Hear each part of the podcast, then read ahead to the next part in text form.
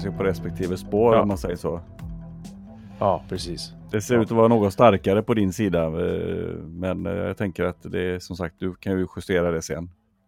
Ja, och vet du vad? Nu, Mm. eh, nu, nu, nu rullar det här, så nu kör vi. Ja men bra. Eh, Härligt. Tjena, välkomna till Rubiks Kuba. Mitt namn är Patrik Zettergren. Och eh, idag har jag med mig eh, Lasse. En Ja. kille som jag hittade i podden Bara, bara män. ja, det stämmer faktiskt. Tjena Lasse! Hej, hej. Kul du? att vara med. Ja men det är jättebra. Det är jättebra. Jag... Ja, jag vet inte. Jag kan inte summera på något annat sätt. Det, det har varit en period som eh, var ganska, ganska händelserik tid fram till nu. Så det, det är väldigt bra. Vad, vad, vem är du då? Åh. Lasse? Ja, precis. Uppenbarligen en kille som har, som har haft, haft lite poddpaus märkte jag nu när du ställer frågan vem är du? Bara känna, oh nej shit, det var den frågan. Jag skulle ha förberett. Alltså, eh, ja, vem är jag? Alltså, eh, det finns så många olika versioner av svar på den frågan, men jag tror att om jag ska beskriva mig själv på ett så enkelt sätt som möjligt så är jag jätteny, väldigt nyfiken. Uh, har extremt svårt, svårt att, att liksom eh, på något sätt hantera situationer utan, utan att veta varför jag gör det jag gör. Uh, vet inte riktigt hur det kommer sig, men det har bara följt med mig genom alla år. Varför har alltid varit en sån här nyckelfråga för mig. Uh, uh, sökare. Jag har letat, sökt hela mitt liv, både utåt och inåt. Vem jag är, vad gör jag här, i de olika sammanhangen som jag är, är i. Och eh, det, är väl, det hänger väl förmodligen upp ihop med det här varförandet, skulle jag tro. Um, om man ska ta lite så att säga yttre saker så är börjar närma mig de 60. Um, ehm, omgift. Eh, morfar. Eh, för, drygt, för drygt ett år sedan. Helt fantastiskt spännande. Otroligt. Eh, bor på landet, älskar det. Och just nu eh, också arbetsbefriad. Ja, just inte. det. Det inte där, vad- det skrev du ju. Ja. Ja. jag vet inte hur jag ska beskriva det men, men arbetsbe... Alltså, jag, det innebär egentligen, jag är inte arbetslös, jag behöver bara inte jobba. Okej. Görskum känsla. Ja. Ja, för du, du skrev någonting om det igår och eh, Mm. så vi sparar det till podden. Eh, ja, men precis. Vad, vad, då trodde jag att du hade blivit att du var arbetslös. Ja, snart, snart är jag det, om man säger så officiellt då. Den 19 februari så är jag arbetslös. Eh, Fram tills dess är jag bara arbetsbefriad. Okej. Ehm, ja. Ehm, Vad, vad har du jobbat med? Eh, Jag jobbar som eh, projektledare på en reklambyrå. Eh, och eh, företaget gick i konkurs eh, och en ny ägare som inte li- jobbar lite grann, eller jobbar inte, jobbar inte vidare på samma sätt som, eller med det som jag gör, eller det jag gjorde. De ville komma åt andra saker i, i verksamheten så att jag var inte planerad att vara med i den nya organisationen som blev då. Det var några stycken som, som då blev arbetsbefriade. Hur kändes det då? Fantastiskt faktiskt. Jaha. Ja, att, nej, alltså det, det, jag tror egentligen så här att jag, jag har under en, en ganska lång period gått, gått omkring och känt att jag vill göra något annat. Men den här förbannade tryggheten som fanns där med, med liksom, du vet, lön och, och det där gjorde att jag började liksom, jag vågade inte riktigt fullt ut ta det där steget att nu säger jag upp mig liksom. Så jag fick väl lite hjälp där istället då, kan man ju säga. Um, vilket kändes jättebra. Så eh, från, du har lön nu fram till eh, Ja, till och sen så. jag lön, jag får ju någon slags slutlön där i runt där 19, ja det blir det inte. Slutet på februari så får jag liksom nästan en månadslön plus en, nästan full semesterlön så att jag klarar mig ett, ett tag till. Och den här månadslönen, den är fet. Ja, det vet jag inte om jag ska påstå. I, i relation till, andra, till, i relation till vissa kollegor jag, jag känner i den här branschen så kan jag väl säga att så är den inte speciellt fet. Okej. finns de som tjänar väsentligt mycket mer inom reklamvärlden än vad jag gör. Var, var bor du någonstans Lasse? Eh, Jag bor ett par mil utanför Borås, någonting som heter. Espered. Eh, riktigt eh, ute på landet här mellan åkrar och skogsdungar. Ja, för att jag, jag, jag trodde ett tag när vi har pratat, är, är du därifrån eller? Är, jag har Ja. tänkt, trodde först att du var 08. Ja, okej. Nej, jag är faktiskt eh, infödd boråsare och har väl egentligen aldrig riktigt lämnat det området. Ja, okej. Nej, men för att du har inte så här supermycket dialekt. Men jag kanske inte lyssnat tillräckligt eh, mycket när du väl har pratat. Men, men Jag, jag tror, jag- jag, jag, jag är lite, alltså jag, jag tror jag, jag kopierar lite grann av de, den jag pratar med. Så att pratar jag med en riktig sån västgöte så skulle jag mycket väl kunna tänka mig att hamna i den dialekten. ja. Så, så, att, eh, så nu kanske jag blir lite, in, vad ska jag säga, jag blir influerad av din Stockholmsdialekt här. Jag vet Ja, inte. jag förstår. Ja, ja och, och, och där, eh, du måste berätta lite om din eh, podd. För det var så jag upptäckte din eh, podd för att du hade med Navid Modiri. Mm, Eh, och jag följer honom just det. eh, och hans podd Hur kan vi? Och då såg jag att, att han hade varit med hos dig och då började jag följa dig och Mm. sen så hörde jag av mig till dig Mm, i, i höstas där. Va, va, berätta gärna lite om din eh, podd. Ja, alltså, he hela mitt poddande, hela idén till att börja podda, det kom egentligen långt mycket tidigare. Jag hade massa tankar och funderingar och, och, och massa idéer på podd. Jag har alltid tyckt om att prata med människor. Jag alltid, som sagt, jag var väldigt, jag är väldigt nyfiken. Uh, och sen började jag också lyssna väldigt mycket på Navid och hans podd eh, Hur kan vi? Uh, och blev väldigt fascinerad av just det här samtalet. Jag tycker han är fantastisk på, på just det öppna samtalet liksom här, här som, som, som han driver i den podden. Och sen så, så gled jag in på Björn och Navid också, lyssnade ganska mycket på, Mm. Mm. på den podden. Eh, lite, jag lyssnade på Pärleros framgångspodd. Eh, jag, jag, jag tror att det, hel, det hela var liksom lite grann, jag blev, jag blev inspirerad till att, att ta upp eh, ett slags samtal med människor. Eh, och, och så började jag liksom spåna på lite alternativ och så helt plötsligt så kom bara idén till att ha en podd där jag pratar med män, bara män då, om just manlighet. Uh, det är det som har varit, eller som är, även om podden just nu har lite paus, så är det det som är ramen för, för podden, att vi pratar manlighet, lite ur olika perspektiv med olika typer av människor, unga, äldre, Uh, ja, och med, baserat på, på de erfarenheter som varje gäst har uh, uh, i relation till just vad manlighet är för, för var och en. Då. Ja, och på den vägen var det. Så att, jag vill bara säga det också att om du ser mig försvinna iväg så här så är det för att jag gör lite noteringar och sånt. Så att det Aha, att jag det- sitter och facebookar. ja, för vi, vi ser ju varandra här när vi Ja, står och pratar. Nej men bara så att tror att nej, är det, det tror jag inte. Jag, jag, är exakt, dryg jävel som bara skiter i vad du säger. jag, gör Eh. exa, jag gör exakt likadant. eh, Ja. Både när jag haft, eh, så att säga, som nu distans och när jag haft eh, gäster i studios och så, så, så blir det ju så. Ja, för du har, en, du har en riktig jävla studio, har jag för mig att jag har sett på, på Insta. Ja, det, jag, jag samarbetar med, med en kille som, han är, han är egentligen, ehm, eh, han är egentligen filmare. Och jag, när jag pratade med honom första gången om att dra igång podd så var han lite sval så. Sen så, sen så, så gick det väl ett halvår och så ringde han upp, och ringde upp mig och var, var väl nästan, höll på att säga, på gränsen till eh, frälst över just tanken på podd. Jag tror att han insåg någonstans att här fanns en möjlighet för honom också att etablera, så att säga, etablera sin verksamhet för att producera poddar. Så Mm. jag, jag drog igång min podd med hjälp av honom.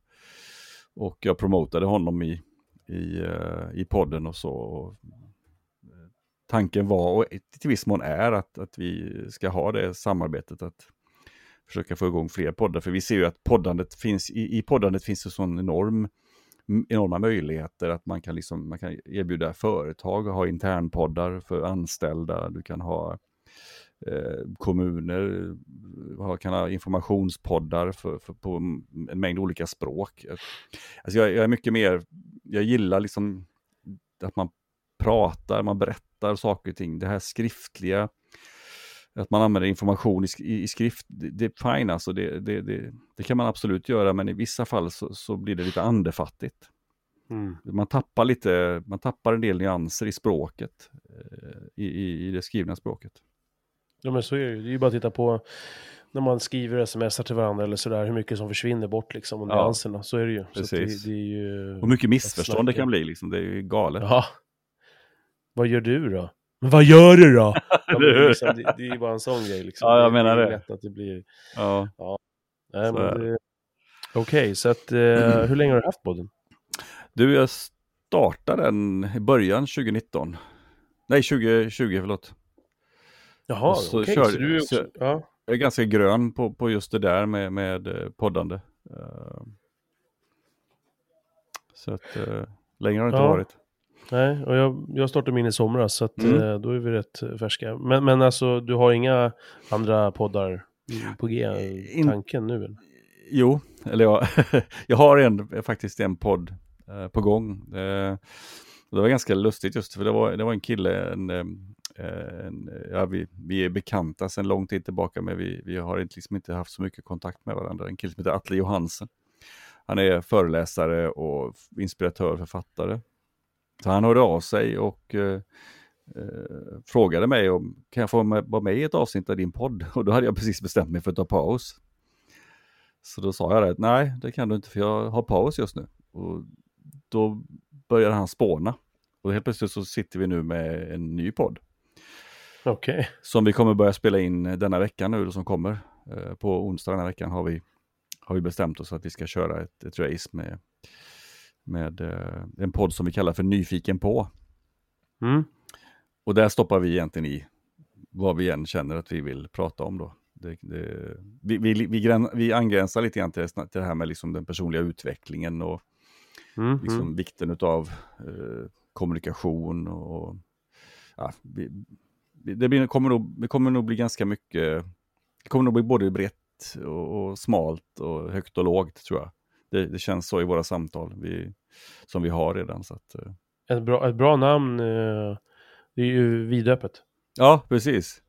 Det, det, till skillnad från, från, bara män som har varit lite smalare då, men jag, jag kände att uh, jag, vill inte, jag vill inte säga att jag stänger den dörren. Jag, jag tror att jag, det, det, jag har ett par gäster som jag funderar på som kommer längre fram, men jag behövde ta lite, lite paus från den.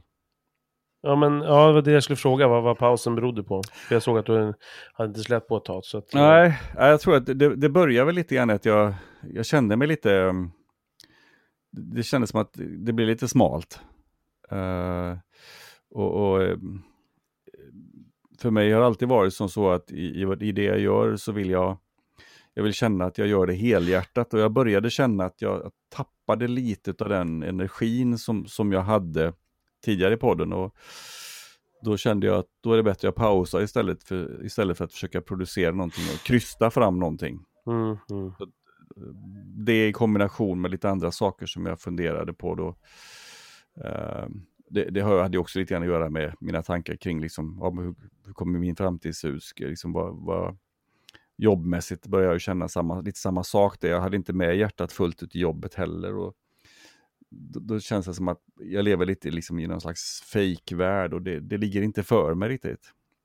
Jag, vill liksom, jag vill ha med, antingen bestämmer jag mig för att okej, okay, jag, jag, tar det här jobbet och så fejkar jag det för att, för att få in en lön ungefär. Va? Mm. Men, men det går inte i, i, ett sånt jobb som jag gjorde, funkar inte det för att um, det kräver liksom att, att jag har ett engagemang gentemot min, mina, mina kunder som jag jobbar med. Och, att, liksom, att vara närvarande. Och, och, eh, så då började jag ju spåna på, liksom, ska jag göra något annat? Och sen så ja, fick jag ju lite hjälp då istället att göra något annat. Genom att jag blev arbetsbefriad.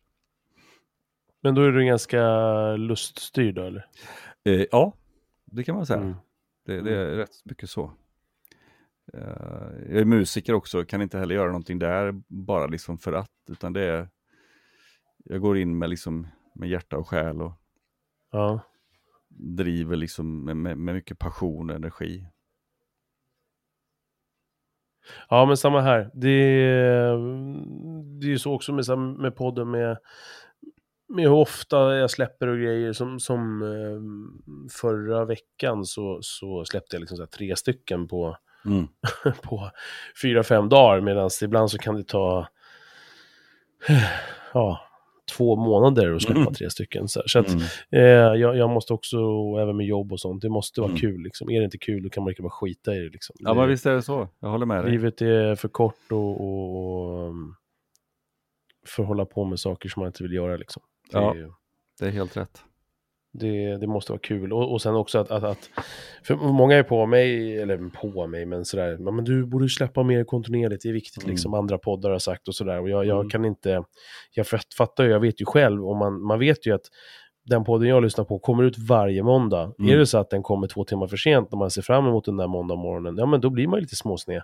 Mm. Varför har den inte kommit för? Jag fattar ju den biten, men mm jag, jag, jag vet inte, jag, jag, kan inte följa det liksom. Det, det måste vara, det måste, jag måste,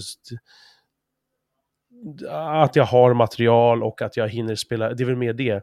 Det är väl inte att släppa som är grejen, utan det är mm. såklart att, att, att hinna spela in saker och mm. att göra det i den mån av tid och ork man har i livet. Liksom. Eh, ska jag göra det för att jag måste släppa varje, varje tisdag klockan två, då, då, nej, då får jag nog lägga ner. Liksom.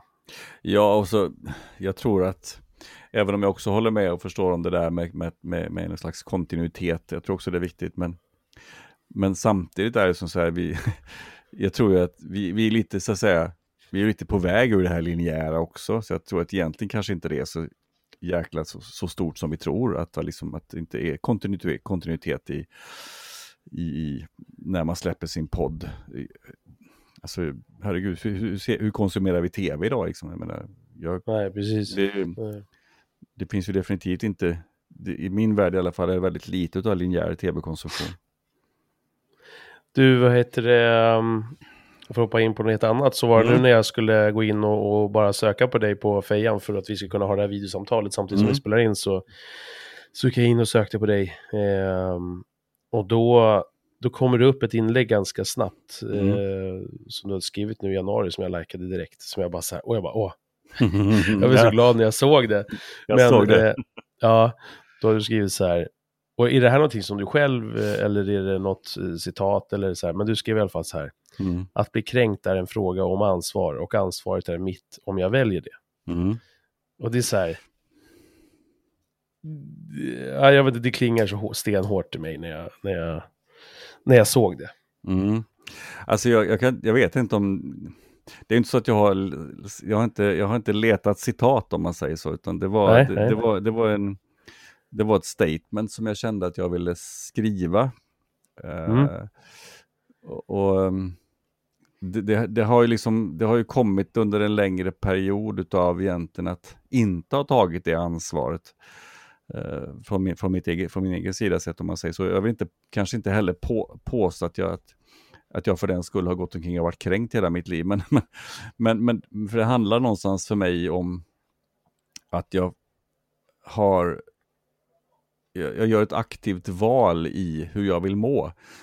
Uh, det innebär inte heller att jag alltid mår bra. Uh, för mig. Det, alltså, det, det, jag, det, finns definitivt stunder jag mår ganska dåligt. Finns stunder jag har eh, ångest, eh, deprimerad, definitivt. Så att det där med, det har ingenting med att ständigt välja någon slags positiv attityd att göra, utan jag tror att det handlar mer om att jag är fullständigt medveten om att jag har det där ansvaret. Om, om jag nu, eller när jag nu hamnar i en situation eh, där jag utav olika anledningar känner att, att jag är det jag egentligen inte har lust att vara, så får jag ta det ansvaret själv för att förflytta mig därifrån hur lång, det lång tid det än tar. Det kan ju, ibland kan det gå fort, ibland kan det ta längre tid. I vilket fall som helst, det är ingen annans ansvar. Det är väl det som var, eh, det var det som var så att säga själva kärnan i, i det uttalandet. Eller det, men, det statement. Men, men eh, för så jag tänker ju så här. Mm. Jag tänkte kanske att det var ett, ett, eh, dels, det är ju en jätte en ganska djup grej. Mm. Men samtidigt så tänkte jag tänkte mer så här att om, om du blir kränkt av att någon säger att de inte gillar miljöpartister och så är du en sån som röstar på Miljöpartiet så är det upp till Mm. dig vad du gör med den skiten. Det, Ja. Dela med, det, med din egen så skit liksom. Så är det. Eh, men det här var någonting som du tänkte mer utifrån någonting som du hade känt livslångt eller? Ja, alltså en kombination. Ja. Mm. Utav båda. Alltså för, för det är ju så här att, att om, om någon väljer att ha en åsikt om mig baserat på utseende, åsikt, eh, etnicitet, whatever.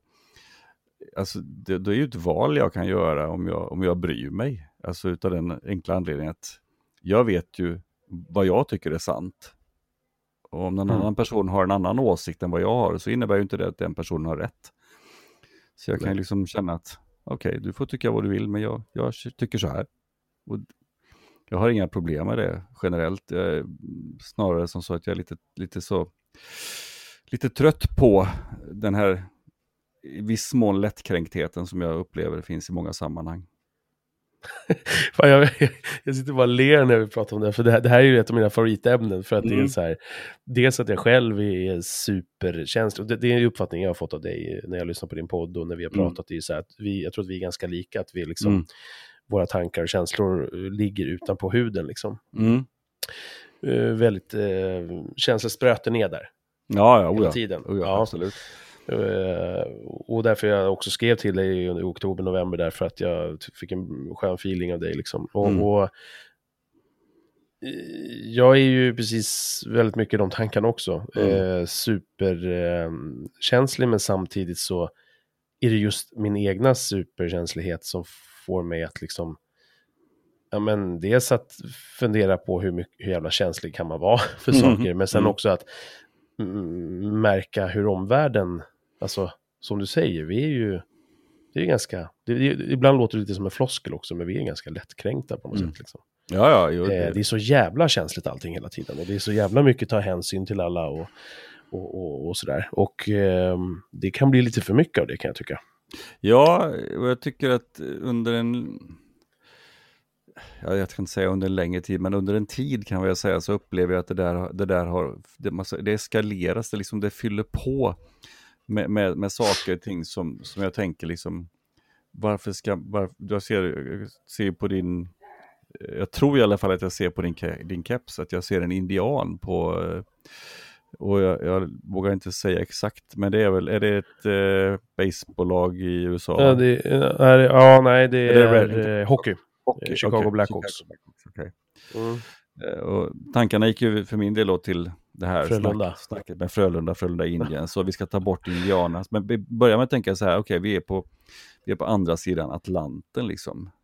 Och, och, och om man nu pratar då, eh, ursprungliga eh, amerikanska invånarna. Och, och här i Sverige ska vi ta ansvar för att då, då urinvånare i USA inte blir kränkta att vi har en indian som emblem på Ja. ett hockeylags tröjor. Alltså, Ja. snälla. Slut. Nej, men jag, jag men- och- och greppar samtidigt- inte det där. Nej. Och, och, och i, i min jakt någonstans efter så här, min podd heter ju Rubiks kuba och Mm.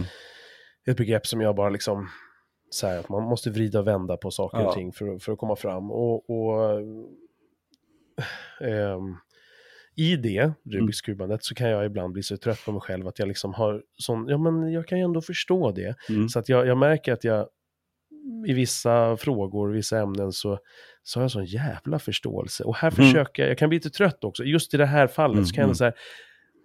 Jag, jag bara spyr på den. När jag läste den nyheten så vill Mm. man ju bara, man vill bara ut på Facebook och bara skrika, Mm. avgå. Hela mänskligheten, avgå nu. Eller hur?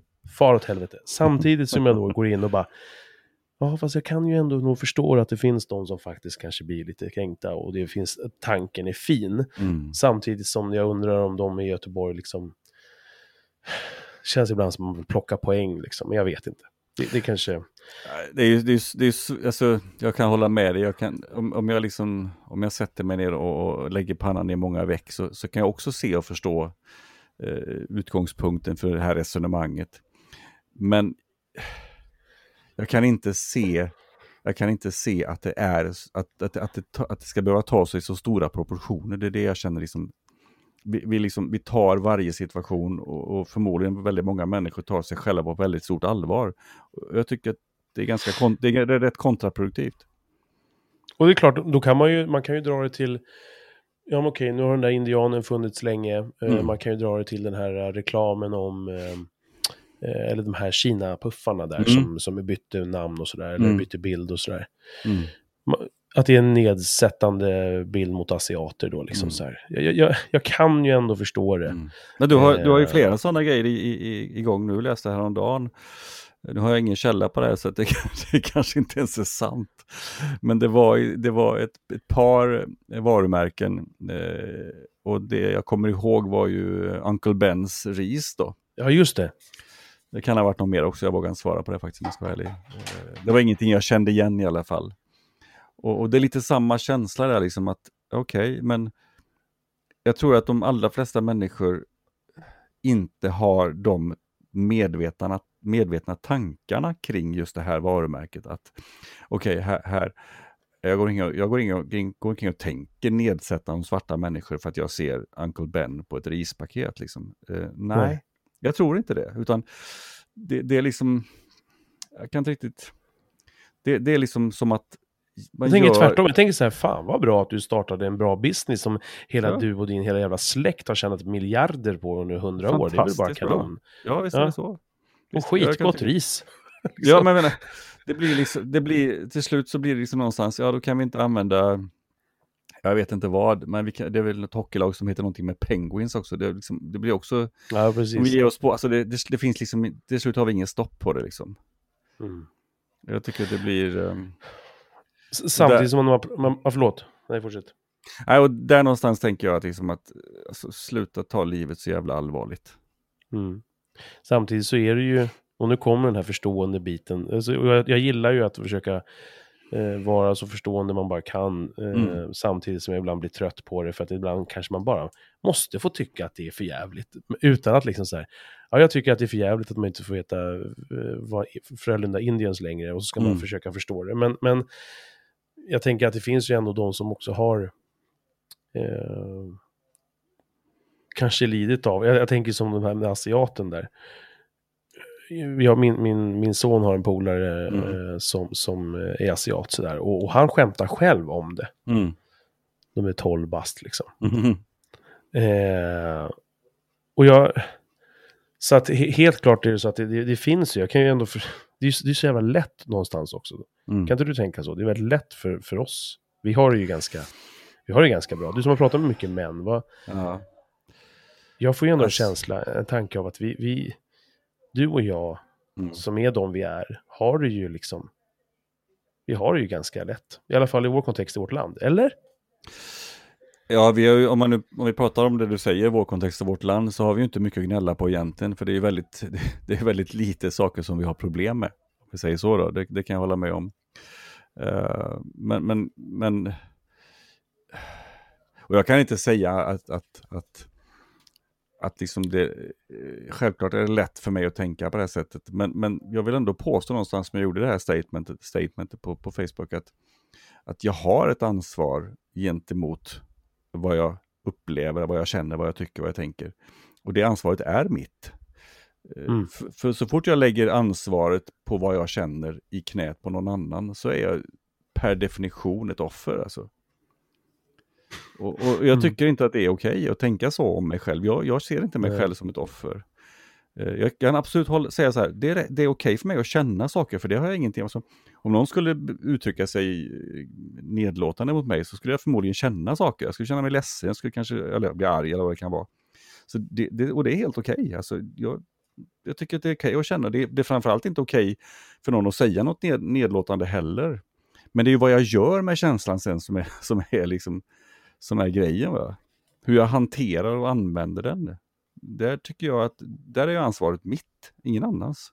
För, för det är ju en annan grej också, det är ju inte bara att du blir ett offer. N- när du eh, tillåter dig själv bli kränkt också så gör du ju typ någon, an- den andra personen som har fått dig att få någon känslan till en förövare. Mm. Absolut. Liksom att du är dum. Ja. Och, det, och det... jag skriver och pratar väldigt mycket. Innan jag startade min podd så var ju det här någonting som jag, som jag går igång på så in i helvete. Samtidigt, Mm. som, samtidigt parallellt som att jag går igång på att människor är så lättkränkta över saker och ting så går jag, jag, går jag själv igång på saker och ting. Sådär. Mm. Så att det här med att ta ansvar för det man känner och sådär, det, det, det, det är väldigt lätt att skylla på någon annan. Ja, men det är du Ja. som gör mig arg, Ja. till exempel. Men Det- Du trycker på de här knapparna. ja. Och, det, och jag, jag kan ju ändå köpa det resonemanget lite. Så här, vet man med att en person går igång jättemycket när man säger eh, vad man nu säger, Mm. så, så, så kanske man inte behöver kanske man inte behöver trycka extra, men samtidigt så, så, så har man ju det ansvaret Mm. själv. Ja, alltså personen som använder sig av de här knapparna och trycker på dem är ju inte fri från ansvar, inte alls. Nej. Det är definitivt inte så. Så det finns ett ansvar åt båda håll, men, men ibland... ligger det inte lite mer hos den där som blir kränkt där? För så tänker jag lite, att det ligger fan lite mer hos dig vad du, vad du tar in. Eller? Vad, vad, vad tänker du? Är det 50-50? Nej, alltså i situationen så kan varje person kan ju bara ansvara för det den gör, tänker, säger och upplever. Alltså mer än så Mm. är det ju inte. Så att, ehm, sen, sen, alltså, gränsen går ju någonstans. Om du, vad du säger till mig kan inte jag ansvara för. Jag kan bara ansvara för det som jag, som jag tolkar, eller det som jag upplever av vad du säger och eventuellt känner också. Eh, så att jag kan ju aldrig göra dig ansvarig. Eh, det, det, det är fullständigt omöjligt. Det finns ju en, för mig är det en tydlig gräns däremellan i alla fall. Du nämnde någonting med, du, du sa så här, oavsett om jag blir ledsen eller, ils, eller eh, blir ilsken. Mm. Du. Mm. Hur, eh, jag har skrivit upp några punkter här, Mm. som jag skrev ner här i november eller vad det var när vi pratade. Mm. Och en, en punkt var just ilska. Mm. Hur, hur ehm, och det här är intressant att prata om för att jag, jag kan ju prata med jämnåriga så här ganska bra, men jag känner inte jättemånga superöppna 50-plussare. Nej. Eh, och som kan uttrycka sig eh, bra, som jag upplever att du kan. Så att jag blir så jävla nyfiken, Mm. för vi är ändå olika generationer liksom. Och, och Mm. inte för att det spelar en roll i sig, men, men jag tänker ändå att ja, men du har väl vuxit upp i ett Sverige som var på ett visst sätt och jag har vuxit upp i ett Sverige som har varit på ett visst sätt och så vidare. Liksom. Hur, hur, hur, ehm, ja, hur, hur förhåller du dig till ilska? Liksom? Hur funkar det för dig? Och... Alltså, större, delen av mitt, större delen av mitt liv har jag varit kass på ilska. Eh, jag, har, jag har inte, jag har inte, vad ska jag säga, man kan säga så jag har, jag har, ganska, jag har ganska mycket eh, lagt ilska under lock om man säger så. Då. Uh, större delen av mitt liv. Jag har eh, som då, precis som du säger, 50-plussare blivit bättre på att hantera min ilska. Och det är delvis för att jag, delvis har min fru lärt mig fantastiskt mycket om att liksom, att inte vara rädd för uh, ilska, att inte vara rädd för konflikter exempelvis. Jag menar, vi har haft mer konflikter i, i, under vår relation som har varit nu i sju år än vad jag hade med min, min förra fru som jag var gift med, eller var tillsammans med i över 20 år. Men det, det har ju också att göra med, liksom, det hade ju mer att göra med mitt förhållningssätt. Jag var rädd för att konflikten liksom, det innebär, du vet, eh, morsning och goodbye, det var slut liksom. Nu har jag lärt mig att konflikter eh, är, är, eh, är bra. Och eh, Jävlar. utvecklande. Ja. Så det har varit fantastiskt. Sen har jag, tror jag, har jag också lärt mig att beroende på, beroende på att jag, som jag säger, tar ansvar för min känsla så har jag också ins- insett många, många gånger när jag blir arg. Så i första läget kan jag bli så förbannad på någonting som någon annan har gjort och någon annan har sagt. Så, så får jag ju det i ansiktet på mig själv. Ja, och vilket ansvar har du då? Säger jag ju då till mig själv. Och då, då faller ju den här, ilsk, den här initiala ilskan som jag projicerat ut och då, då, då speglar jag ju den tillbaka och så inser jag att ah, okej, ja just det, det är mitt ansvar det här. Om jag blir förbannad om man säger så, utan någon anledning då. Mm. Så att eh, där har jag lärt mig att hantera ilskan, så det, nu, numera, så, numera bygger jag inte tryckkokare längre om man säger så. En grej bara eh, snabbt i det här Mm. med, och det kan vara en fördom, men, men att jag tycker det är häftigt att, att eh, din fru har lärt mig, för det, det är bara en bild jag har kanske, Mm. att eh, nej, inte att män är mer, att det, bara, att det är någonting som tillhör män, men Mm. ehm, att en kvinna lär dig eh, eller påminner dig om det här, tycker jag var, Mm. var, var intressant att höra bara. Mm. Att, att hon som, nej men jag vet inte, jag har någon bild av att liksom, i alla fall vi män går med de här, det här undertryckta, som du säger, tryckkokar-ilskan liksom på något Mm. sätt. Mm. Så att det var ju härligt att, eh, att en kvinna kunde få det lätta på det. Ja, så, så otroligt glad över, över att ha lämnat liksom den uppfattningen just att, att eh, konflikter är att konflikter in- inte är farliga men att konflikter ska man inte ha. Kan, kan du berätta om det eh, nu när du ser liksom ett före och efter där? Mm. Hur du känner, för jag är ju precis på den punkten också, att det, det är absolut inte, det är ju tvärtom, det är ju Mm. friskt. Och där har jag ju eh, en, en man som jag har haft eh, ganska bra kontakt med, eh, som, som jag gick med i en mansgrupp, eh, digital mansgrupp för, för lite mer än ett år sedan. Eh, där vi har haft mycket konflikter, han och jag, och där han, han är den, av den väldigt bestämd uppfattning om att liksom, nej men bråka är ingenting man ska och det bör man inte göra och varför ska man? Han, Mm. han reagerar ofta på när jag säger att ja men det är nyttigt, man, man, man, man får ur sig saker och, och, och man bråkar och sen så, så för, försonas man och det kommer någonting bra ur. Han kan inte alls Mm. lik- liksom, han kan inte alls känna igen sig i det och tycka att nej men varför ska man göra det? Var, varför det? Inte att det ska vara någonting som man ska satsa på att bråka, men att om man nu gör det, vilket de flesta gör, så är det Mm. bara, det är nyttigt.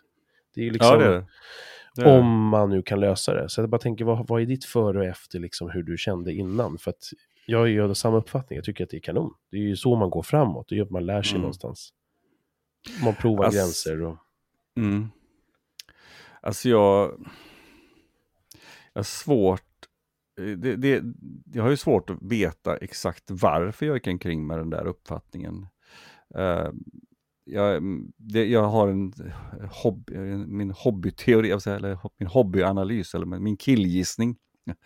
Eh, hänger ihop med mina föräldrars skilsmässa som jag, som jag upplevde då som tredje part, som ung. Och att i den konflikten så, så, så, här, så separerar ju de. Uh, och, och ehm, att det är så att säga en del av, vad kallar man det för? Uh, programmeringsprocessen då, som varande ung och ganska filterlös liksom. Det, den landar väl någonstans i mig och, och, och eh, tror att eh, med, med en sån sanning som jag burit med mig har jag också sökt och hittat bekräftelse på att jag har stämt. Både i mina egna relationer och andras relationer tror jag och i olika sammanhang annars också. Ehm, så det, det, det är liksom, det, det tog ju ganska hårt skruv den dagen när vi liksom pratade, jag och min fru. Hon, hon, liksom, hon säger bara så här, jo men bara, bara för att vi har olika åsikter och, och är irriterade på varandra så, så slutar jag ju inte älska dig, säger hon till mig. Och jag kommer så väl ihåg, jag kände bara, jaha, så kan man se på det också ja. Alltså det var liksom, det var verkligen, det var en rejäl eh, ommöblering som, som skedde i, i, liksom i, i, i den stunden inne i huvudet på mig. Och då är du ändå 40 plus. Ja, när den, när den det var kommer. ja visst, detta är vi, vi ehm, ska vi se, vi, ja, 2014 ja. Så att eh, jag fyllde 50 faktiskt till och med det året. Så att, eh, ja. För, för, för, för, för min, min, min eh, upplevelse är ju liksom att det här är någonting som Många tycker att jag tjatar. Eh, Mhm. Senast faktiskt igår la jag ut ett, Mm. ett inlägg om det eh, Mm. på fejan för att jag, min dotter hade en polare över här och de är från eh, Estland. Och jag stod och pratade lite med hennes morsa och eh, igår och då, då pratade vi just om det där, sociala koder och sånt där. Mm. Och eh, hon sa att det är så svårt här, för att här, här så står vi och skrattar och ler och, Mm. och, och liksom sådär. Gabbis. Ja, men det, det är bara att sätta i den där kniven gumman, det är lugnt. Kör i den där bara. Ja. Eh, nej men... Eh, nej men att det är så svårt, för att här står vi och ler och liksom så här. Mm. För att sen senare gå därifrån och så här. Och, och, och, och hugga en i ryggen och snacka skit om en. Medan där, där de kommer ifrån, där, där tar vi det direkt. Hon Mm. sa att om, om någon spelar hö, hög musik, vi ringer ingen jävla störningsskolan. Vi går och pratar med en, vi går och pratar om två, vi går och pratar om tre gånger. Mm. Ehm, och inte, ja, vi tar den konflikten. Och, och, och min det här var någonting som jag bara la ut en video häromdagen på min Facebook, eh, eller igår kväll. Och, och, och, min starka upplevelse är ju att det här är någonting som vi eh, på riktigt är djupt färgade av som folk. Mm. Att det här är... Det här är inte bra liksom. Nej. Det här konf- det, det, det är... Nej men det är skitdåligt. Ja, jag, jag håller med dig. Riktigt hade- dåligt. Jag hade, ska vi se, kan det vara nu, 2000, eh, 2018 var det väl tror jag, så, så jobbade jag eh, som musiklärare på en, eh, på en eh, skola i ett område. Eh, man kan säga det var, vi har, ah, jag, tror, jag tror att det var som så här, jag ska inte säga säkert, men jag tror vi hade 70 eller 80 procents eh, elever som inte hade svenska som första språk. Mm. Eh, och jag fullkomligt älskade just elever som inte hade svensk, svensk bakgrund. För precis, jag, jag, hade, det var, jag visste precis. De sa ju precis rätt upp och ner vad det var, vad det handlade om, vad de sa, vad de, vad de tyckte, vad de kände. Det var ju glasklart och vi tog diskussioner och sen var det bra. Eh, väldigt sällan jag hade den, de diskussionerna med, med eh, ungdomar med svensk bakgrund. Ja, eh, det, det är, många brukar säga till mig så här, fan du är så osvensk just för att jag är på det där sättet. Och Mm. det är konstigt här med att jag... Eh, hur jag har blivit formad eh, som liten av, av saker som har hänt mig när jag var, Mm. när jag var barn. Som har gjort att jag inte har eh, alls hängt med så mycket eh, invandrare liksom. För att jag inte Mm. gillat dem. Mm. Och eh, det, det var ju synd då. För att det Mm. kanske var de man skulle hänga med istället. Liksom. För att det är ju den känslan man får, den här rakheten. Det är så här, Ja. vad är problemet? Och jag, jag vet inte vad det är som gör att vi är så tillbakatryckta. Nej, jag, jag har faktiskt inte koll på det heller. Men det, det, ehm, men det är också någonting som jag är väldigt nyfiken på det. Jag vet bara inte vad det är. Eh, och jag, jag känner liksom någonstans, alltså,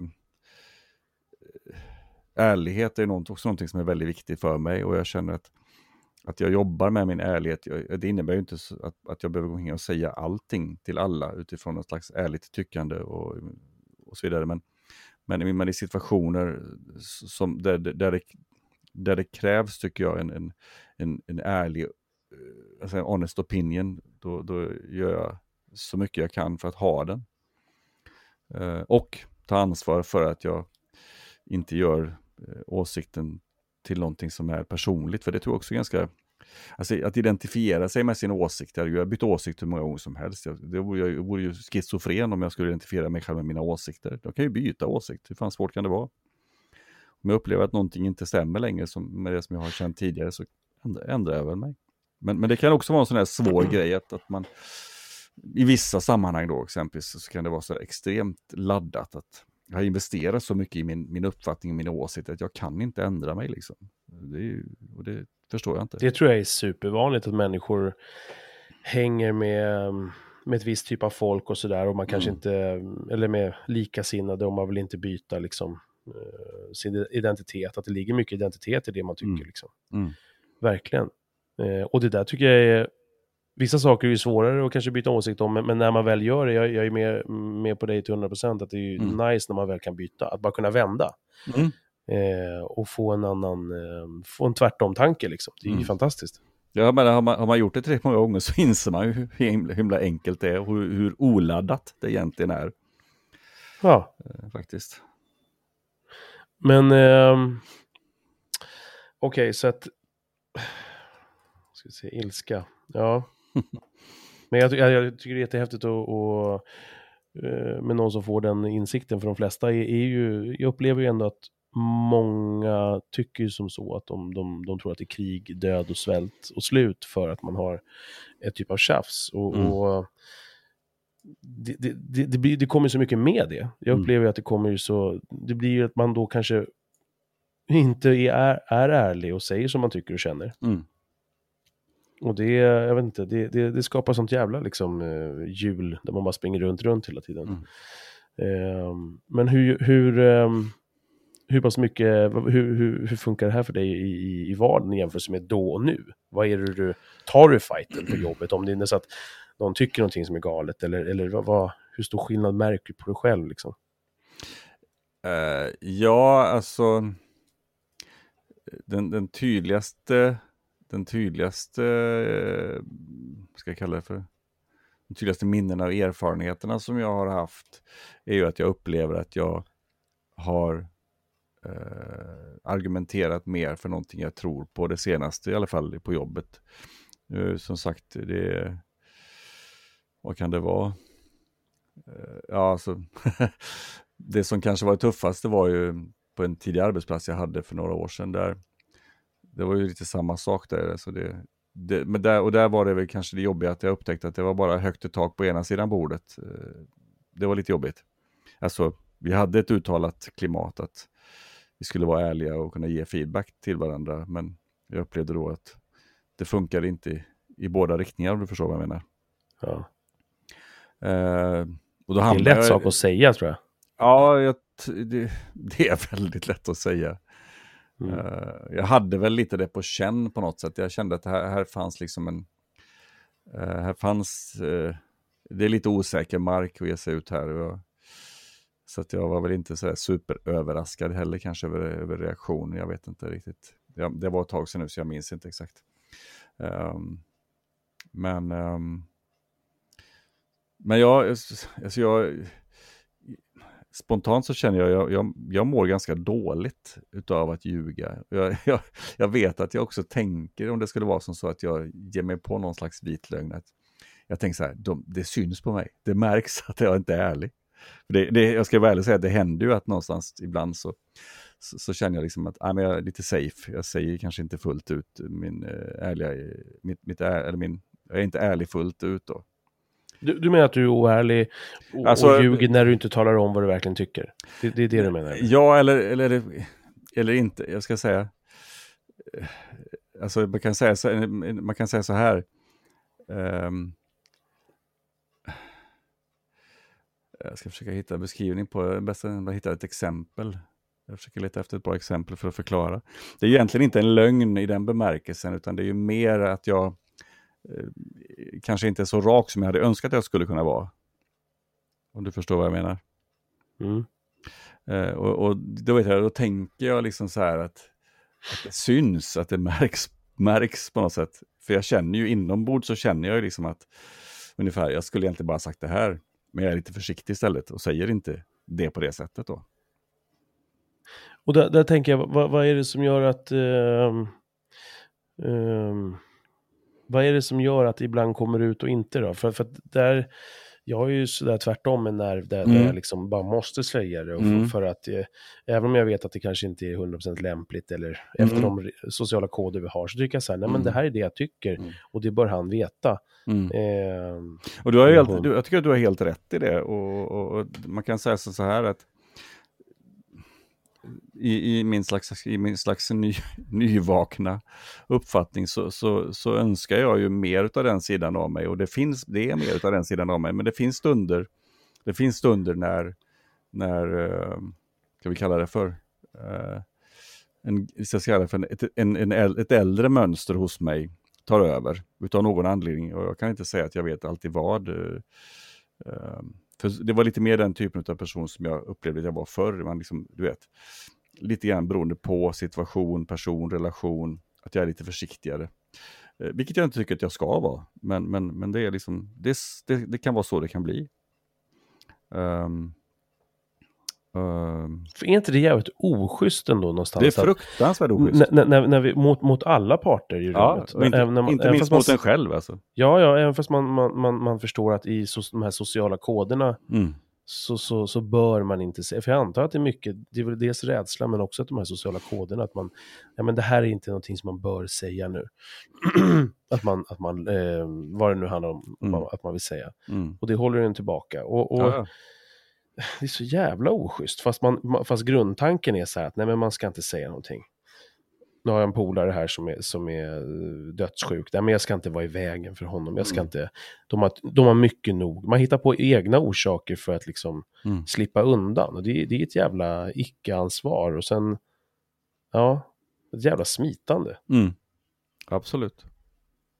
Som man tror är gott. Eller man rättfärdigar i tanken att ja, men det är gott att inte ta den fighten. Jag övertygar ju mig själv i de lägena att, att det finns en god intention bakom. Och det, det, jag tror inte att det egentligen gör det, utan det är utav, jag ska inte säga feghet, eh, jo det kan jag säga, det kan, vara, det kan vara i viss mån feghet faktiskt. Även om jag skulle kunna välja att kalla det för försiktighet istället. Det känns, känns skönare för mig själv ibland. Men egentligen är det Mm. ren feghet, för jag tror att absolut det skulle vara, skulle vara mycket bättre eh, för sammanhanget eh, att vara eh, fullständigt så att säga, ärlig. Tveklöst. Uh, numera är det väldigt sällan, sällan det händer, men, eh, men för, förr så var, var det väl, det var, jag kan väl påstå att det var ganska vanligt förr. Det, var, det behöver jag inte hymla med alls. Eh, En annan fråga då, så- som ändå Mm. kopplat till, till ilska är ju eh, en punkt som jag skrivit upp här, är ju Mm. maskulinitet. Mm. Så maskinu... För jag kan inte uttala ordet. Mas maskulinitet. Maskulinitet. Ja, jag har skrivit fel här. Ja. Ehm, vad, vad var liksom... För mig är ju, är ju på något sätt eh, eh, ilska och power och, och, och att stå upp för sig själv och så vidare Mm. är så väldigt för mig kopplat till... Men det är väl bara för att kanske för att jag är man själv. Men, men vad, vad är liksom maskulinitet för dig?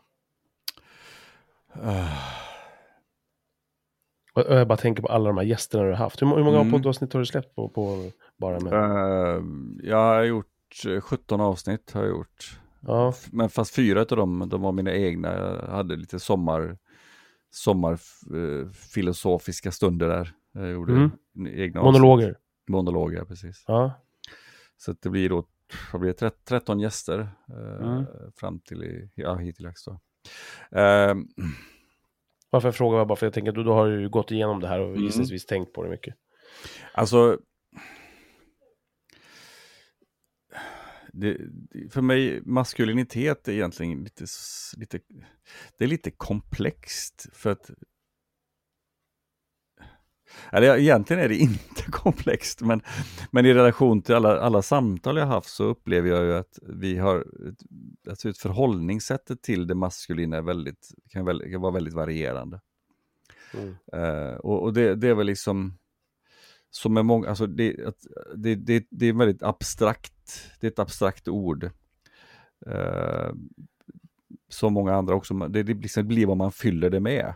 Som du sa nu, du, du, du säger då att ilska och power är maskulint för dig och jag kan, ja, du skulle förmodligen få ganska många som håller med dig om det. Eh, Men jag har ju mött kvinnor som är extremt, eh, har mycket som kan ha ilska och power. Då kan man ju ställa sig frågan, ja, är, det, är det feminint då? Eller är det Ja, fortfarande precis. maskulint? Mm. Mm. Och jag vet, jag hade någon diskussion, jag kommer inte ihåg vem det var, men vi pratade om det här med att vi har en tendens att göra det maskulina eh, lik, likställt med, med att vara man. Och det tror jag faktiskt inte. För att alltså, det- maskulina eller det feminina har egentligen ingen, ingen, ingen nödvändig koppling till vårt kön. Alltså, jag tror alla människor bär både maskulint och feminint inom sig. Det är någon slags balansförhållande. Vi pratar om, eh, vad är det nu, den här... ehm, Ja, nu tappar jag bort det. Är det, är det taoismen eller vilka är det? De har ju, har ju yin och yang som någon slags beskrivning av det maskulina och feminina som är i ständig rörelse. Och in, in, i, i det maskulina finns, en, finns ett visst mått av feminitet och tvärtom. Det är liksom hela den här symbolen står ju för det. Och, och jag vet, jag pratade med, eh, jag tror det faktiskt var Navid, om jag inte- missminner mig, pratade om, och och där är det, står det maskulina för ordning medan det feminina står för kaos. Det är ju rent filosofiskt då. Mm. Uh, Så det, det finns så många olika definitioner på vad det är. Och, och jag tror att det som blir förvirrande för väldigt många det är när vi, när vi, när vi liksom försöker söka ett konkret svar och sen vill vi liksom känna oss trygga i att vi vet då. Att liksom typ som man så ska jag vara på ett visst sätt. Ja, men om du inte är det då, är jag inte, är jag inte man då? Mm, nej, det, det. kan det absolut vara. Det beror lite grann på balansen mellan de här två energierna som jag tror att vi, som sagt, alla har inom oss. Och hur, vi, hur, hur väl vi beva, bejakar dem och, och känner liksom att nej, men det är okej. liksom. Jag menar, herregud. Jag, jag, jag, eh, som, som varande musikerartist så har jag ju i många avseenden säkert kunnat upplevas som eh, i viss mån bejakar väldigt mycket min femininitet. Eh, I andra sammanhang som jag har jobbat som, eh, jobbat som snickare och på sågverk och där skulle man definitivt kunna kategorisera mig som kanske mer maskulin då. Jag vet inte. Fan vad hårt eh, sådana eh, traditionella idéer, eh, tankegångar kring vad som är liksom manligt och kvinnligt och så vidare. Eh, maskulint, Mm. feminint, vad det påverkar oss liksom. Mm.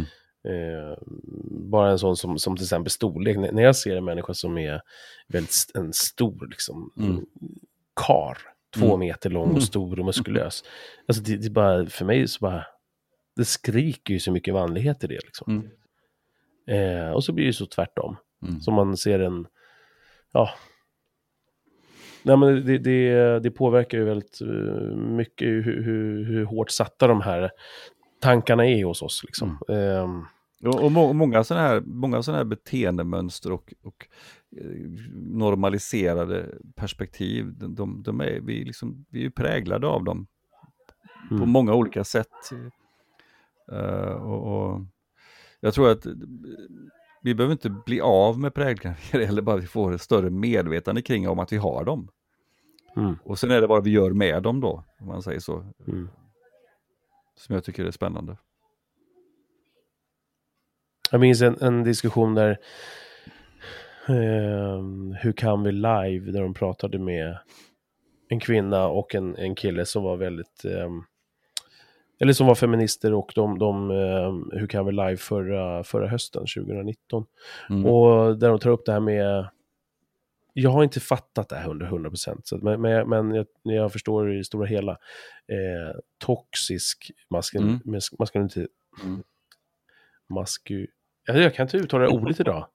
Maskulinitet. Maskulinitet, ja. Eh, Jag förstår vad du menar. Det är Ja, om det finns en sån som är feminin. Feminin maskulinitet. Eller feminin eh, tox... Tos, toxisk femininitet. Tos, ja, toxisk. Ja. Eh, och de, då menar hon på att nej, men eh, hon kan inte riktigt säga att det finns. Eh, och jag tyckte det var, jag vet inte om du har hört det avsnittet. Eh, Nej, det har jag faktiskt inte gjort. nej. Eller nej, det är ju inte ett avsnitt, det var ju en live. Jag tror att det finns bakom hans betalväggar. Mm, mm. Så kan man höra det live. Men nej, jag bara tycker att det, det det borde väl finnas även tvärtom, tänker jag. Frå- Ja, alltså, om du frågar mig så säger jag absolut. Det gör det. Mm. det för, mig, för mig gör det... Och, och, eh, jag har... Jag har ehm, jag har ju inte upplevt det i- på den, i den bemärkelsen själv, men jag tror att det är ganska, det är ganska enkelt att Alltså det är ganska enkelt att göra sin, sin, sina åsikter just gällande så att säga, den här biten utav mellan könsfördelning toxisk. Eh, för någonstans handlar det ju om att, att man liksom blir, du är väldigt bestämd i din uppfattning, väldigt, väldigt kategorisk, principfast i din uppfattning. Mm. Och redan där är den ju toxisk, tycker jag. Per definition. Alltså det, det finns liksom ingen flexibilitet i din åsikt, utan det är mer en princip att du tycker att det är på, det är på ett visst sätt och that's it. Liksom. Och så är väl vi snubbar väldigt mycket. Du menar Jag har ju den bilden. att män är sådana? Ja, det är så här. Ja, men alltså, eller, ja, jag får den känslan. Jag, jag, kanske utgår alldeles för mycket från mig själv. Mm. Men, men, men jag har väl en känsla att vi killar ofta är så. Jo, men vadå? Så här är det. Jag tror att vi, det, jag tror att det är vanligare bland män generellt. Mm. Eh, Det tror jag absolut. Eh, Men utan tvekan, jag har ju mött kvinnor som, är, som definitivt har samma mönster. Kanske inte rent allmänt då, jag tror män kanske har fler, män kanske har fler ämnen där man hävdar sig ha fullständig koll. Men om vi pratar just femininitet så, så eh, har jag mött flera kvinnor som, som har en väldigt bestämd uppfattning om just det här med, med det feminina kopplat till det manliga och patriarkat och allt vad man kan jag, jag blir direkt väldigt attraherad av, alltså eh, inte fysiskt eller sexuellt, utan mm. mer mentalt av en sån eh, tjejkvinna som är på det sättet, eh, mm. märker jag. För att när jag väl träffar någon, så det första jag tänker så här, shit, fan vad killig hon var. Alltså man, mm. jag, jag, tänker lite så.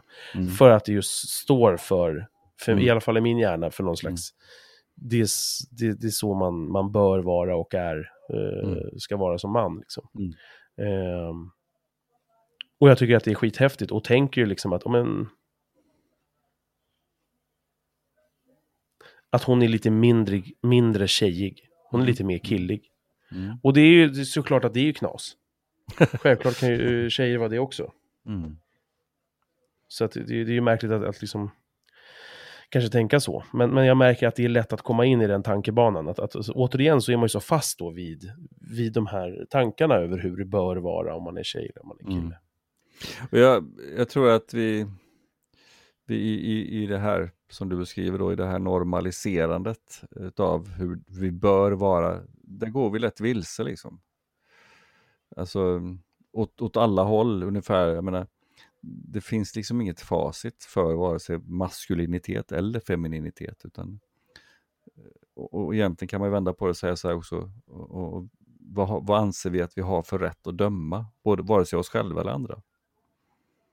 Någon sa, jag lyssnade på en podd för ett tag sedan, då, mm. då, um, då var det någon som sa, jag minns inte alls vad det var för sammanhang, eh, men, men hon pratade om, om, om det här med självkänsla, liksom, att, mm. att, att eh, skulle du prata om dig själv på det sättet, eh, så som man pratar med sig själv, liksom. så som du pratar med dig själv skulle du aldrig prata om en kompis. Liksom. Men gud vad du är ful, gud vad du är, Nej. vad du är ditt eller datt. Liksom. Du pratar inte så med din kompis. Varför gör du då det med dig själv? Varför mm. liksom har vi okejat att, att, att uh, det är okej okay att prata med sig själv på det sättet? Uh, varför börjar jag babbla om det för? uh, Ja, nej men jag bara, det här med självkänsla, liksom att, att man... När, varför är det okej okay att hugga ner på sig själv? Jag, jag tänker att gentemot andra människor, om man... Hur fan ska jag uttrycka det här då? Um...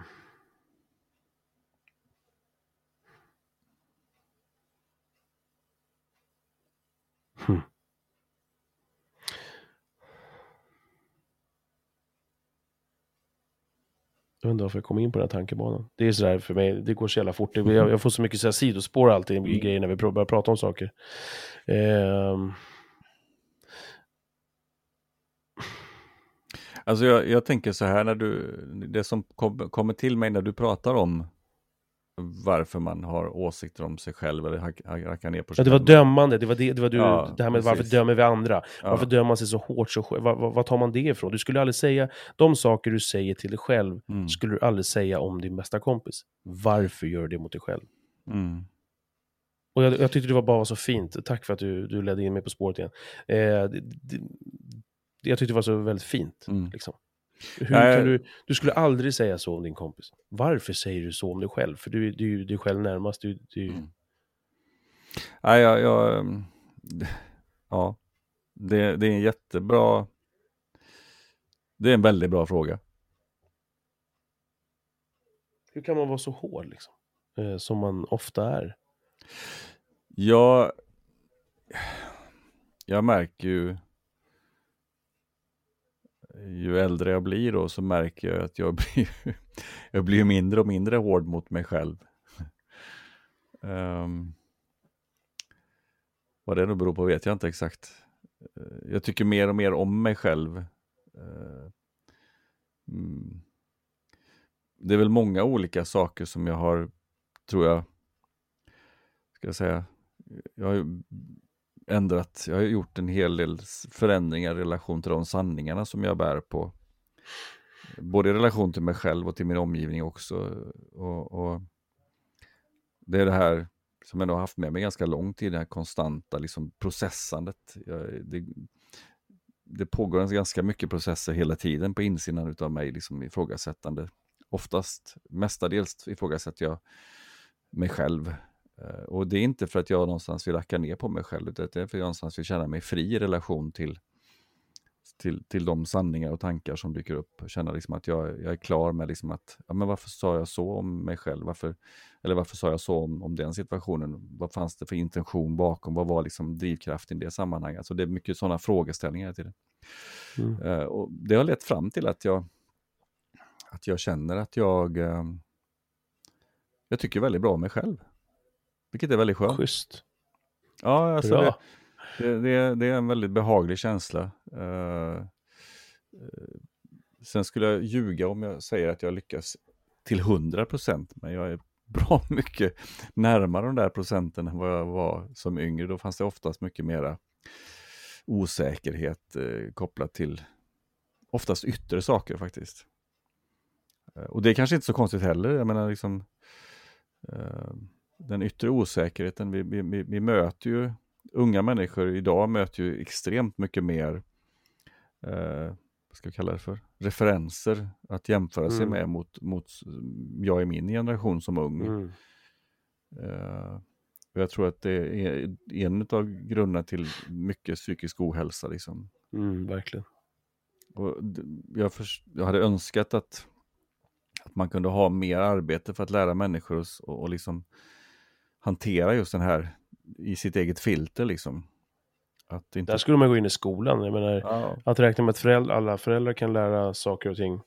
Lära sina barn om det, det kanske är för mycket att lita på, på alltså... människors ansvarskänsla. Men skolan kanske skulle gå in och prata lite, ta bort något annat ämne och så prata om de här sakerna.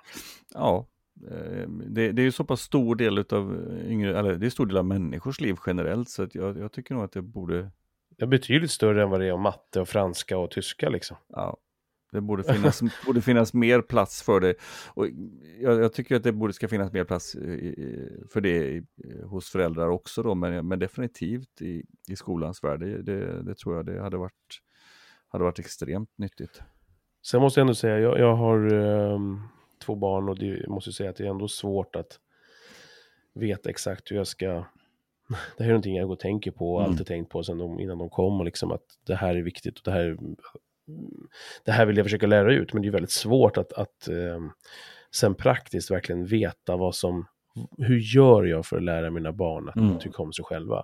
Mm. Det, jag kan ju, det är nästan mer med handling än ord. Men, det, men jag tänker att vad, vad, vad, ska, vad ska jag lägga i för, för ord också för att förstärka det? Men, men, men det är ju Alltså jag tror, det, det, det kanske är att inte racka ner på sig själv och titta sig i spegeln och säga men gud vad tjock jag är.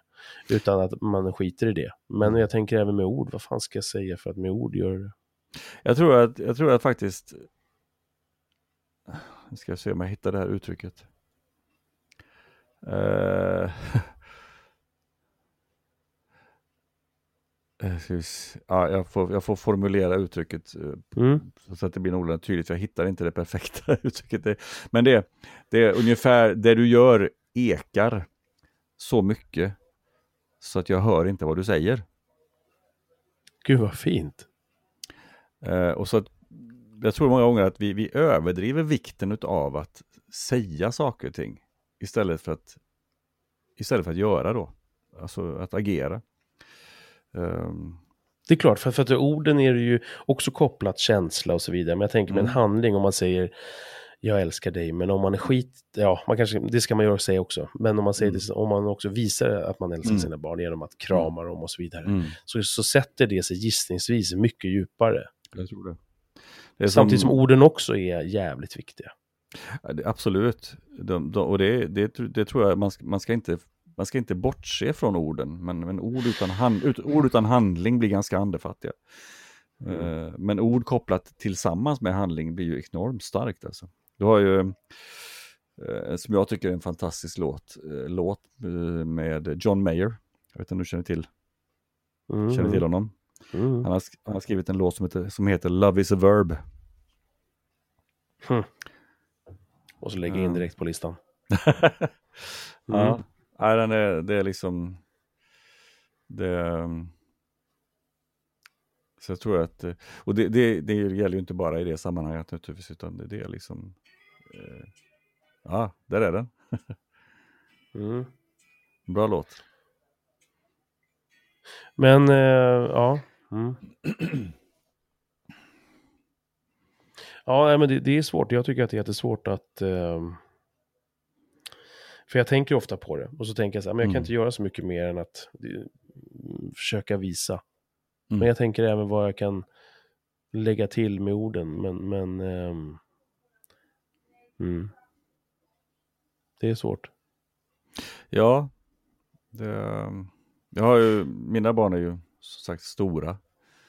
Eh, och jag, jag, jag inser väl att ur, ur det perspektivet, om man nu ska tänka att man ska ge dem någonting eh, som skulle kunna vara liksom lite karaktärsdanande, så är, det, så är det lite sent om man säger så.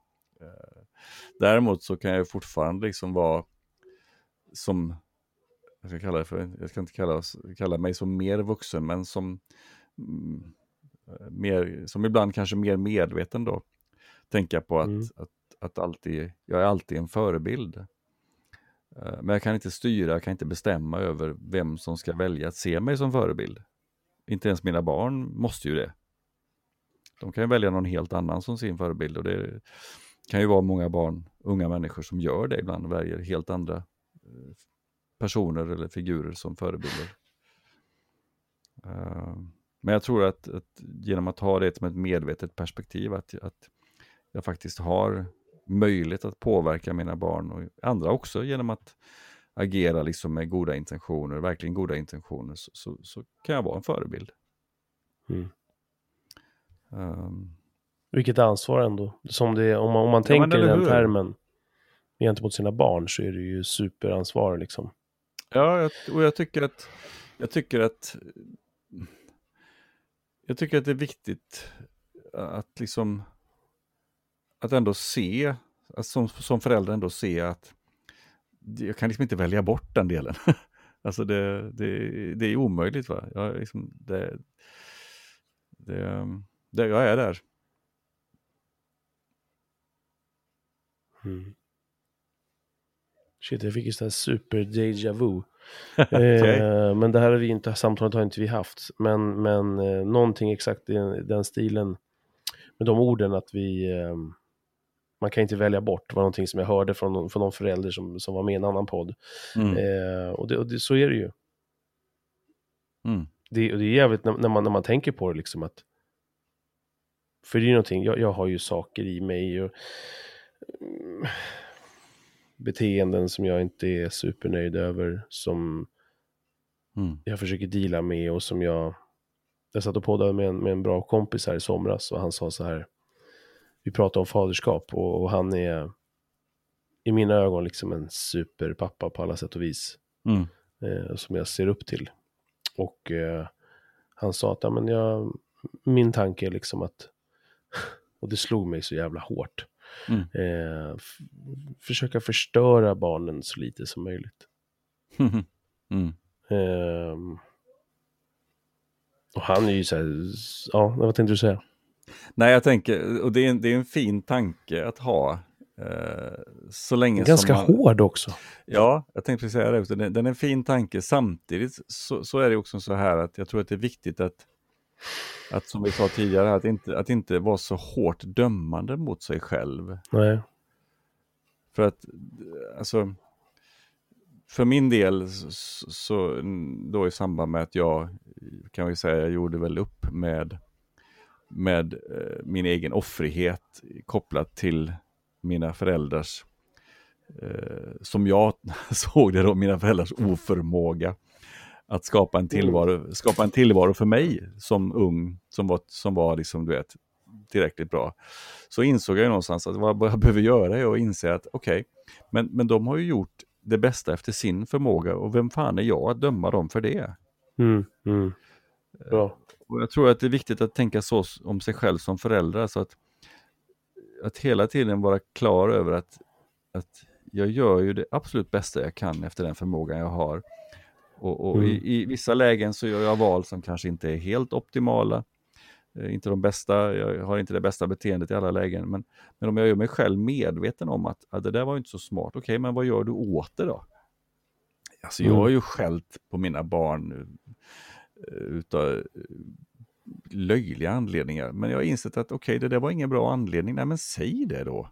Alltså, jag har gått tillbaka till barnen och sagt att jag är hemskt ledsen, det var inte okej att, bete mig, att jag betedde mig på det här sättet. Mm, mm. Så jag ber om ursäkt. Gjort är gjort, jag kan inte göra det ogjort, men jag kan i alla fall be om ursäkt för att jag gjorde det. Jag insåg efter ett tag helt plötsligt att, att helt plötsligt såg jag det beteendet komma tillbaka från, från mina döttrar, liksom, när de själva då i, i någon slags överdriven känsloyttring, du vet, som eh, tonårsbarn, inte minst tonårsdöttrar, kan ha. Ändå till, ändå till slut insåg att det där var ju inte så smart och kommer tillbaka till mig och säger jag, jag ber om ursäkt pappa, jag, jag var hungrig, jag, eller hangry säger de. och så vidare. Så ja, var jättebra, mm. kanon. Mm. Liksom, det är ju lysande. Så att... Eh... Men alltså med det där, eh, du ville ju, för jag, jag, fick en tanke här som jag fick för en halvtimme sedan tror jag mm. när du pratade om det, men, men som jag nu vill fullfölja. Eh, du pratade om dina föräldrar, att, mm. att deras att den här tanken om din kanske konflikträdsla som du haft nu tills du träffade din fruga och hon mm. lärde dig om konflikter. Mm. Eh, det berodde på hanteringen, alltså dina föräldrar, hur de hade varit. Ja, alltså, Uppfattade jag det rätt då? Ja, precis. Alltså deras konf jag, jag hade, det här var som sagt, jag, jag har, det är en hobbyanalys. Det här är ju ingenting som jag kan plocka upp på någon slags eh, klarsynt nivå, utan det är som man kallar en killgissning. Att mm. der, deras konflikt sinsemellan var ju liksom, jag identifierar konflikt med skilsmässa ungefär, va? eller separation mm. om man så vill. Så det gjorde ju att jag under ganska många år undvek för att jag ville inte att, jag ville, delvis ville jag inte att någon skulle bli förbannad på mig, det hade jag ingen lust med. Mm. Plus att jag ville liksom inte äventyra relationen. För där, där är ju jag, eh, mina föräldrar, nu jävlar ska jag hänga ut dem. Men eh, det, det, får de ta. Eh, Man älskar nej, ju dem ändå. Vad sa du? Man älskar ju dem på något sätt ändå. Ja, ja, ja precis. Ja, men så är det. Ja, ja, jag älskar mina föräldrar. Till döds liksom. Men, men, mm. men det är ju en grej är ju liksom tvärtom där de, vilket jag ändå någonstans är glad för. Men jag är ju extremt så här, känselspröten är ju alltid ute. Mm. För mina älskade föräldrar, och framförallt du mamma som jag vet lyssnar på det här nu. Jag ska få lite skit. Nej men så här att de kunde ju tjafsa och bråka om grejer idag, idag, mm. dagar. Mm. Och jag liksom gick som en och, och, kände efter hela tiden, efter spänningar mm. Mm. Och, och, och, känslor och ord och yttringar och mm. hur det smällde i dörrar och hur, hur, hur, hur orden sas och pratade mm. de med varandra eller undvek de varandra. Vi kunde mm. fan åka ut på båtsemester och de undvek varandra i två. Mm. Och den där grejen tror jag har ju fått mig att bli helt manisk i att, att, att ähm, att leta upp konflikten, nej, eller alltså att, att, att, att uh, vilja lösa konflikten när den sker. Mm och blir helt jävla galen på människor som vill undvika den. Mm. Människor som vill stoppa huvudet i sanden eller som, som vill gå iväg och vara i fred en stund. Det har ju tagit mm. mig kanske nu tills jag är snart 40 och mm. liksom börja säga okej, okay, jag kanske måste låta min dotter vara en stund. Mm. Eller min sambo eller min kompis. Jag, när jag var yngre kunde jag kunde inte stå ut med det. Det är nu, vi löser det här och nu. Mm. Det tror jag 100% beror mycket på hur mina föräldrar så att jag var aldrig rädd tror jag för att de skulle skiljas. Det tror jag inte. Det är ingen känsla Nej. jag har när jag tänker tillbaka. Men Nej. hur det har präglat mig stenhårt, 100% är ju liksom att eh, det är väl en kombination hur man, hur man är som person också, men att, att vilja lösa det. Ja, men nu har vi en beef här. Det är mm. ingenting vi skjuter till morgondag, utan vi löser det nu. Mm. Nu, nu, nu, nu, nu, nu. Jag vill säga att du är en idiot nu, inte imorgon. Mm. Eh, och det har ju påverkat mig. Så att, eh, och det var en sjukt jävla jobbig känsla. Mm.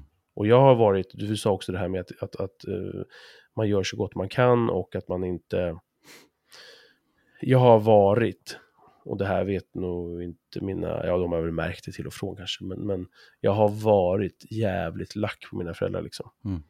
Eh, och gått runt med en, med en, med en viss ilska liksom olika orsaker. Men, men en grej är ju, men det här som du sa, att man, man, man kanske inte ska vara så hård mot sig själv och kanske inte sina föräldrar för de gjorde det efter det bästa. Jag vet ju hundra procent att mina föräldrar gjorde sitt bästa efter deras förmåga och de mm. gav mig all kärlek de bara kunde. Så att jag, mm. så, i det stora hela ska jag bara hålla käften och vara tacksam och glad, men det mm. finns ändå saker som jag är fett lack på liksom.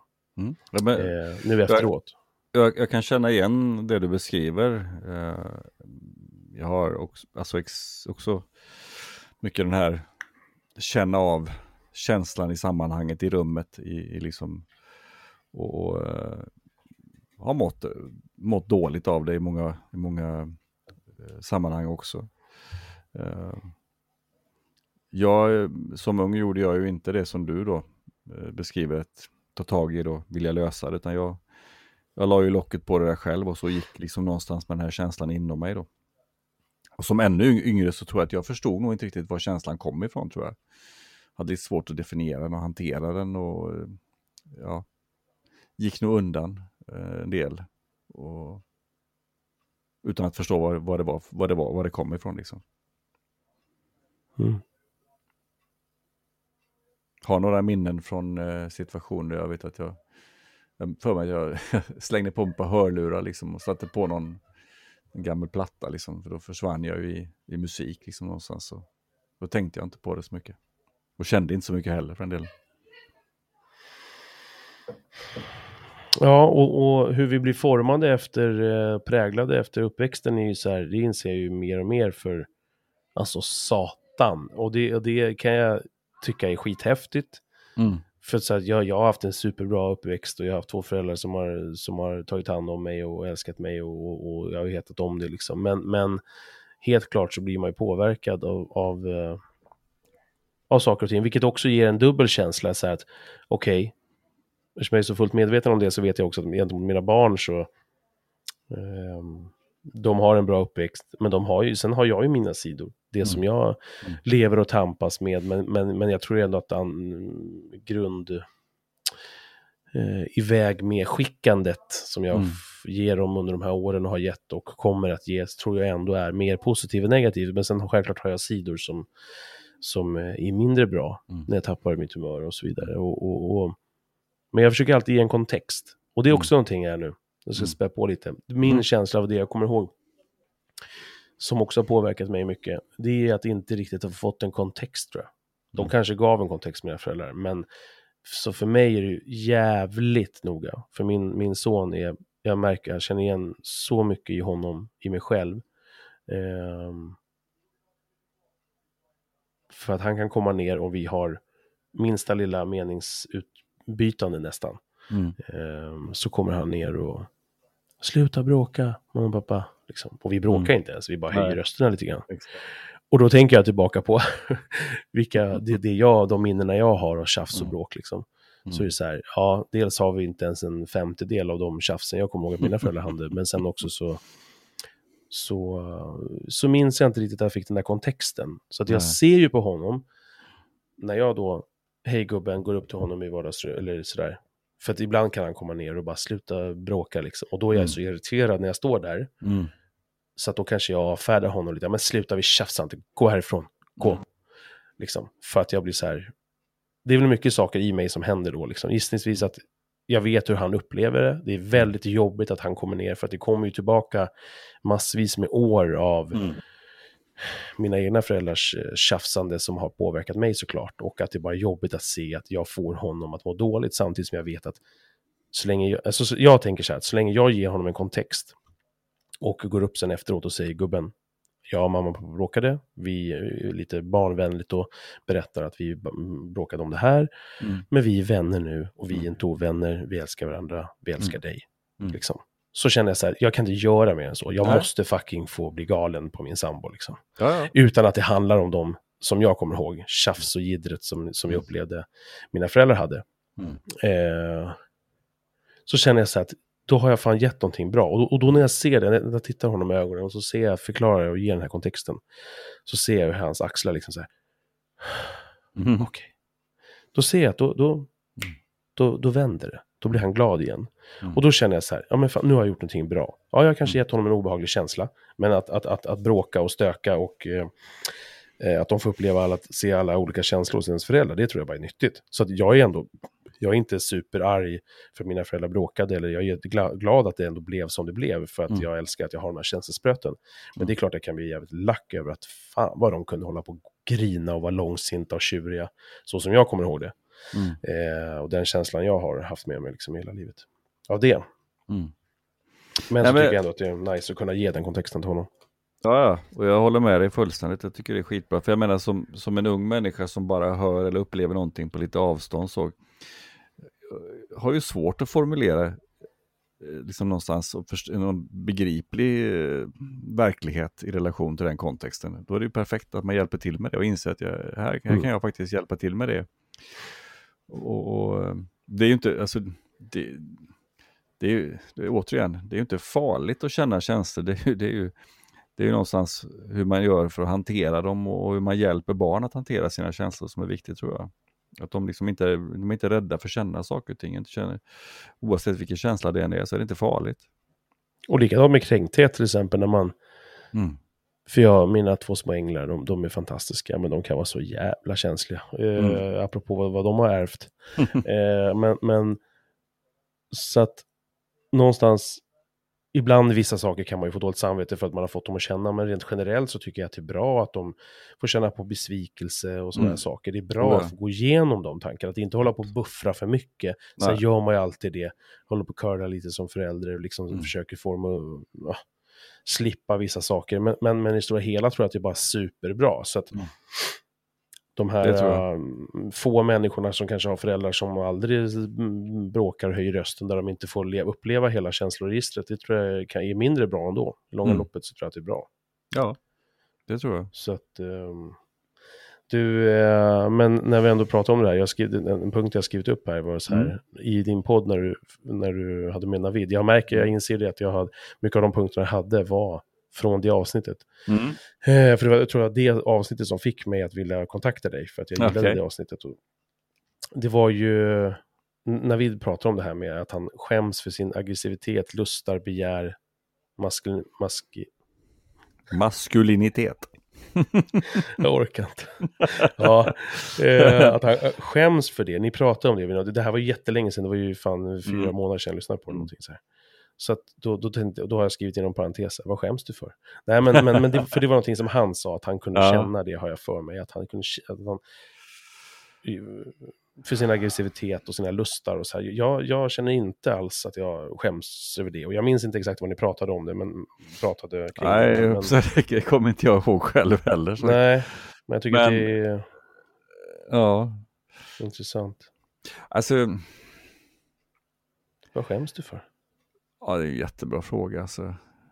Ja, du kanske inte skäms över något? Du kanske, kanske... Nej, jag, jag försöker liksom att tänka efter om det är någonting som jag konkret känner liksom att jag skäms för. Jag, jag, jag kan faktiskt inte, jag kan inte känna att det är någonting som så här, ja det är specifikt, utan nej. Det, Fan vad skönt.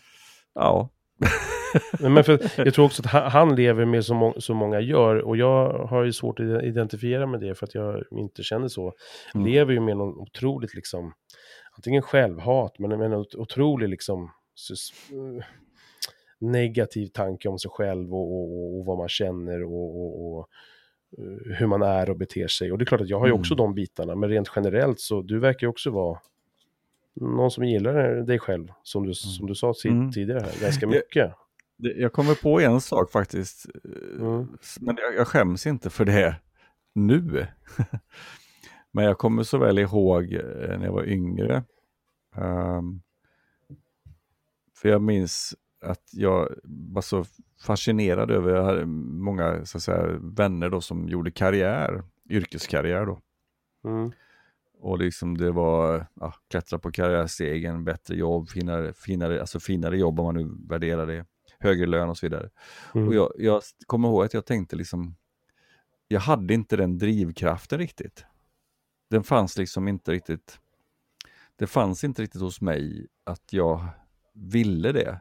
Men jag, jag trodde att det var något fel i det läget på mig. Så det kan man väl säga, då skämdes jag lite grann för att jag, för att jag inte hade den, vad ska man kalla det, de karaktärsdragen.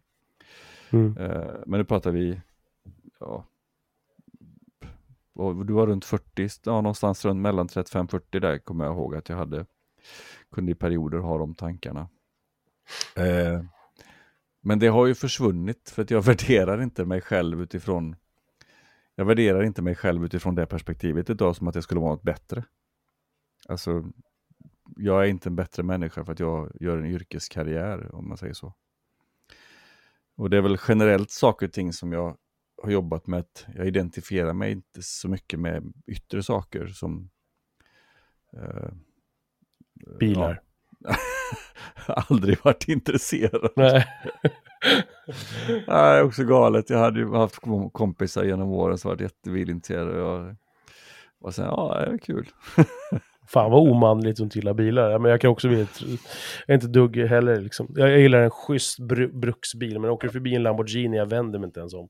Nej. Eh, men en schysst Volvo som är lite påkostad, ja men det är en bra bil som är redo att ha familjen i. Ja men okej, okay. mm. ja men det är bra. Mm. Mm. Nej, så att det, men det, där har vi väl någonting i alla fall som finns historiskt då.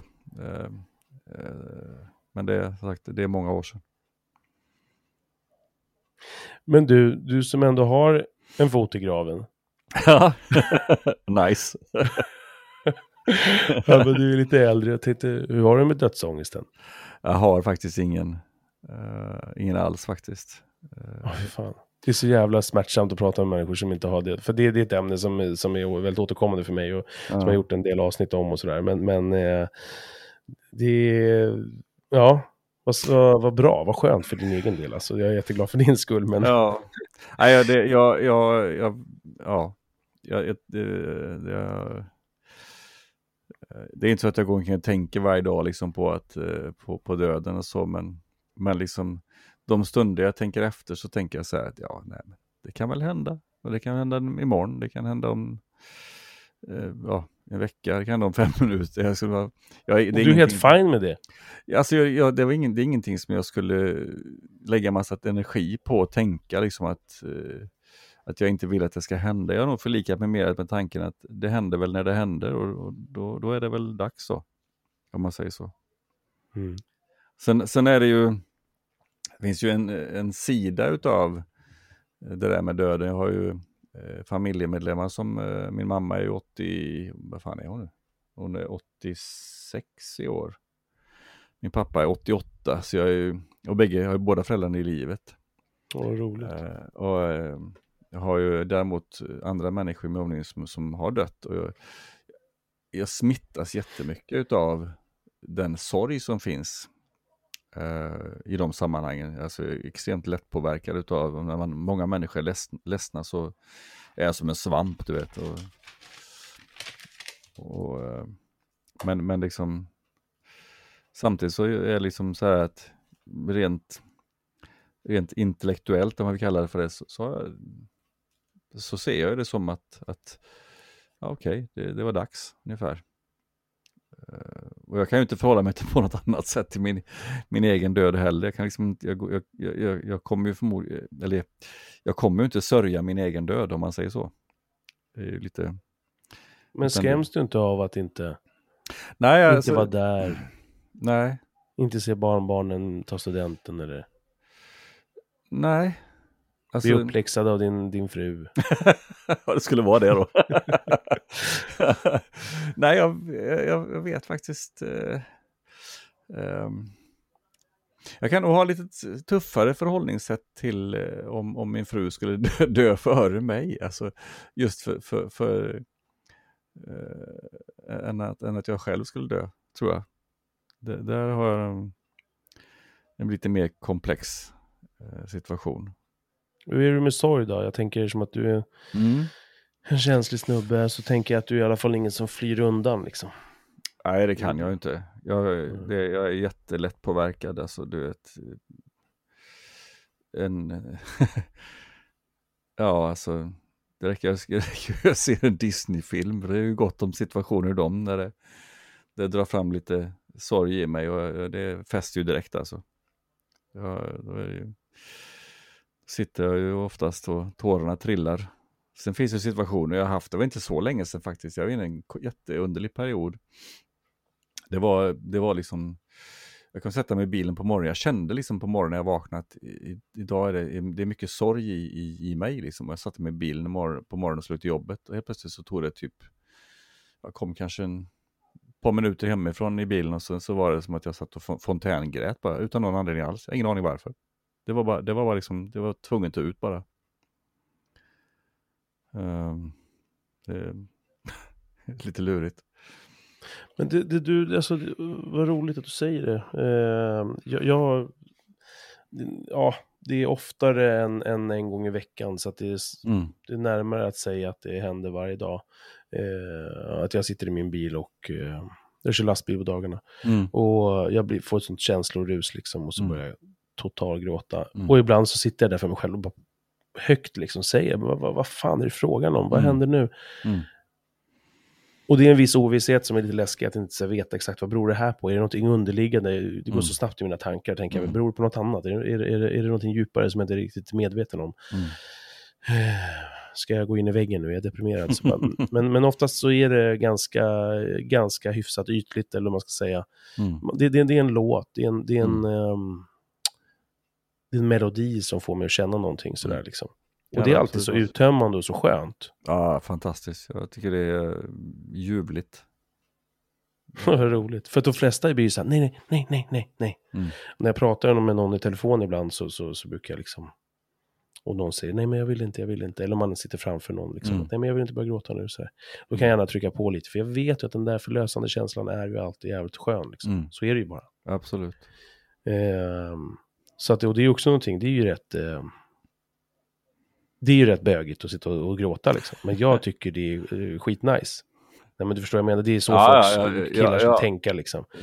Eh, eller ja, säga åtminstone. Jag tror inte killar, de flesta tänker så, men de kanske skulle uttrycka det så för att inte visa sig sårbara. Och den där sårbarheten är, är ju liksom...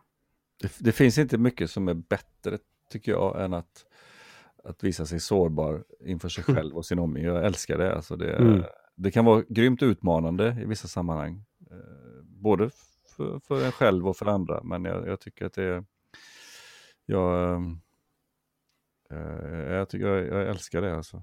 Det, det är... Um, um, ofta där de, de bästa samtalen, bästa situationerna finns i den här mm. öppen, öppenheten, mm. sårbarheten. Liksom. Jag tycker om det. Och då får jag direkt en flash där i huvudet. Jag tänker på till exempel alkohol. Många är ju sådär att eh, när man blir känslosam eller man, man eh, kanske börjar småtjafsa lite. Nej men ska vi inte ta det här nu för att det är nu eh, det ska man ta när man är nykter. Nu blir bara massa tjafs. Mm. Min känsla är ju, är ju, det är ju tudelad. Självklart är det de situationer också där det bara blir tjafs för att människan inte kan kanske hantera situationen. Men, men också att de fin en av de finaste stunderna jag har haft med människor som kanske har svårt att visa sårbarhet. Mm. Det är ju just när de har till exempel druckit lite. Mm. Och då kommer det fram, för det, är, för det är onekligen så att det är då man verkligen kommer fram. Det kommer fram saker och ting. Mm. Eh, jag tar gärna en till gumma. Tack. Eh, och det, tyck, det, är, det är ju skitnice. Det är ju några av de finaste stunderna liksom. Mm. Eh, och där man kan nå varandra på ett sätt som, som, som ibland inte, det går inte. Alltså det går ibland inte med vissa personer. Nej. Så jag är ju eh, överlycklig att jag har den möjligheten att göra det nykter. Men jag tänker att det finns ju många människor som, som jag har lärt känna som kanske knappt säger någonting när de är nyktra och sen så mm. dricker de lite. Då, bara, då kommer det allt liksom. Mm. Mm. Eh, och någonstans tror jag ändå att det, det är ju en det är ju sidor hos personer som, som, som de har jag vet inte, många säger liksom att, nej men, för mig så är det så här, när folk dricker exempelvis, mm. det är ju mm. då deras rätta, sanna kommer fram, eh, sida någonstans. Jag vet inte, men, men, eh, alltså så, ja. Och kan man vara öppen och ärlig och eh, då tala ur skägget, och vara sårbar så tänker jag att då finns det ju någonstans där. Det finns ju där, det ligger ju där under. Det kanske bara att du måste få någon som hjälper en lite på traven och ibland så är det alkohol. Mm. Och jag tänker vi som folk då, som vi har pratat om tidigare, som är konflikträdsla och grejer, det kanske finns en anledning att allt det här hänger ihop. Vår höga alkoholkonsumtion och hur vi är som människor. Och, jag, jag vet inte, jag bara spånar liksom. Men jag tycker det är nice i alla fall ibland att vissa som inte är så sårbara, de, det kommer ju oftast alltid fram efter ett par glas vin, liksom, eh, mm. ett par bira. Hur har du, dricker du? Eh, nej, det gör jag faktiskt inte. Um, och det... Alltså det, det här... Det, Aldrig det, har eller? eller Jo, jo, herregud. Ja, Ja. ja. Ja, jag har druckit. Och jag, Mm. eh, det, jag vet inte riktigt, jag har ingen, jag har egentligen ingen förklaring till det här. Jag kan inte riktigt, men, men det, det har kommit, kan jag säga, under det senaste, puh, ja, det senaste året. Så eh, jag tycker egentligen ganska, jag tycker, gott, jag tycker om rödvin exempelvis. Jag tycker det är gott. Mm. Mm. Eh, men eh, jag kan inte dricka ett glas rödvin. f- alltså, mm, på olika sätt så säger kroppen nej. Det, det, är liksom, det, det går inte. Jag, att, eh, jag, jag kan inte... Det, det funkar inte att dricka, jag kan inte förklara det på ett annat sätt, det är jätteskumt. Alltså. Men vadå, får du en fysisk reaktion eller mår Ja, du dåligt? Eller? jag får, ja, precis. Alltså det, det är, en- alltså bara ett par klunkar kan jag känna med en gång hur kroppen liksom, alltså min kropp, kropp säger till mig, "Dri- du ska inte dricka mer. Alltså ja, det är den grattis. känslan. Du är skitbra. Ja, jag älskar ju, eh, jag är inte egentligen, egentligen inte så förtjust i, i, i öl heller. Mer än extremt varma dagar och jag har jobbat hårt kanske, någonting ute i trädgården och vill ha något kallt. Men då får det bli en kall alkoholfri öl, det funkar. Fan vad omanligt. ja, det kanske man kan påstå. Men, men det är faktiskt... Det är faktiskt Nej, men- eh, det, det, jag skojar ju bara. Ja, jag förstår. Jag bara skojar. Jag tyckte jag gillade kommentaren. Nej, men det, det är görskumt. Som sagt, det, jag, kan känna, jag, kan, jag kan känna ibland så här att jag faktiskt saknar lite grann ett gott glas rött vin till mat. Eller en, en, jag är lite förtjust i, i bäsk, i bäsköl, alltså bäs, öl, med mycket bäska i. Till viss typ av maträtt så, men, men det är...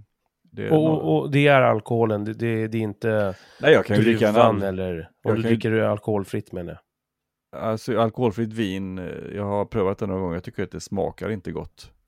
Nej. Eh, Däremot så tycker jag att alkoholfria öl har de lyckats med, några, med en del olika sorter faktiskt. Jag har till och med hittat några som är lite så här beska och så. Jag Men det är alkoholen i sig, det, det är inte... Jag tror det. Ja. Alltså jag, jag, har- jag har ju inte gjort någon annan, vad heter det? Jag har inte gjort några andra tester om man säger så. Nej, nej, Men det, men det funkar bara inte. Um, nej jag så förstår. jag har bara bestämt mig för att, ja men då får jag väl sluta då. Mm. Eh, så att, ehm, te och vatten är väl det som rinner ner mest. Mm, mm. Ja, men det är väl toppen. ja, kan man väl tro. Men jag kan ju sakna, jag kan ju sakna vinet. Den, det, jag vet inte om det är som, som en del hävdar ju att du behöver, lite, lite, du behöver alkoholen för att få en viss typ av fyllighet i smaken och det kan jag nästan hålla med om för det som det är oftast ganska eh, det blir ofta en ganska fadd smak Mm. utav ett, i ett alkoholfritt vin tycker jag. Eh, ja. Men alltså det här med... um, Men vad roligt att det är det här med sårbarheten för att jag upplever ju det liksom även, även i min generation så är det verkligen, det där är väl väldigt personlighetsmässigt. Ja, samtidigt så har jag ju supermycket, jag känner inte alls igen mig liksom i beskrivning av hur män var förr om åren och sådär överhuvudtaget. f- eh, Bland mina egna kompisar i, i samma ålder. Men Mm. sen kan man ju märka, samtidigt som jag har också kompisar faktiskt i 50-årsåldern också som, som är verkligen eh, sårbara och så vidare. Men, men, men de killar som ändå är i min, i min och samma ålder som ändå är som inte är sårbara så är det väldigt jag gissar att 2021 så är killar som är osårbara är som som inte har, som har svårt att visa sårbarhet är likadana som män var på 20-talet när de, rent generellt sä- säkert liksom, är man inte, har man svårt att visa sårbarhet så har man svårt att visa sårbarhet, punkt Mm. slut. Det är inte så, kanske svårare än så. Men, men, men det, är så, det är så smärtsamt liksom. Eh, det, det är väldigt svårt att, att möta, jag tycker det är väldigt svårt att möta människor som har så svårt för sårbarheten liksom. Mm. Ja, jag håller med dig där. Uppleva ett, ett, ett, den, ett samtal eh, med, med, med människor där man känner att, det, att den här distansen finns, eller den här, det här skyddet finns, eh, blir väldigt krystat. För min, Mm. för min del. Och en, en, ett liksom, för mig har det varit ett sätt att försöka komma förbi det, det är att vara först. Mm. Att ta stafettpinnen och säga... Mm. Ja, men att säga... mm, Att hänga ut sig själv eller säga Mm. att ja, men, jag är så dålig på det här. Eller jag, Mm. jag känner så här, jag, jag var ledsen när jag hör, hörde det här. Eller Mm. sådär. Och men med vissa människor så går det ändå inte riktigt att nå fram. Och det, det tycker jag, eh, det är synd. Mm. Samtidigt får man väl bara ta till sig de människor som, som, som kan visa den sårbarheten. Helt enkelt. Det är ju inte så svårt. Men, men, men det är ju bara byta människor, människor så att säga. Mm. Men, men det är så synd, för jag tror att det ligger bakom den där fasaden att ha svårt att visa sårbarhet. Så, ehm, jag, tror att de förlor, jag tror människor förlorar så mycket. Det här som de är så rädda för, eller har, bara har svårt, jag vet inte om det är rädsla. Är det rädsla för att, vara- att vara sårbar? För jag tycker att jag upplever det så starkt. Det är så kontrollen att liksom inte släppa taget på något sätt. Att inte visa sig sårbar, att inte visa att man gråter, att inte visa att man är ledsen eller sådär. Som, som oftast är, men som jag märker också är jättevanligt bland tjejer faktiskt också. Mm. Den är ganska vanlig. Och jag, jag ja. Samtidigt kan jag tycka att det är ett sånt jävla icke-ämne. Vad spelar det för roll? Det vill bara inte ta till sig de människorna som har svårt för det. Och så, det sker sig naturligt. Liksom. Om, om ens kuggar... Jag, jag, jag tror att dina och mina kugghjul går i ganska bra. Går inte våra kugghjul in bra, nej men då skiter jag i Lasse. Det, det är Mhm. inte svårare än så. Så, att, Så- Men, men ändå tycker jag att det är intressant. Jag tycker ändå att det är... Ja. För att vad som gör att man ändå får en connection. Liksom. Jag tyckte ändå att du och jag efter vårt första samtal i telefon, vi fick ändå en kontakt. Liksom. Det hade Mm. vi ju inte Ja, fått ja. Om, om du var en, en tråkgubbe. Och det är det ju inte. Nej. Nej, men ja, det, så är det. Och jag, jag håller med dig där också. Att eh, blir jag mm, sms-bombad här, min kära hustru som tycker jag ska gå ut med hundarna samtidigt. Jaha.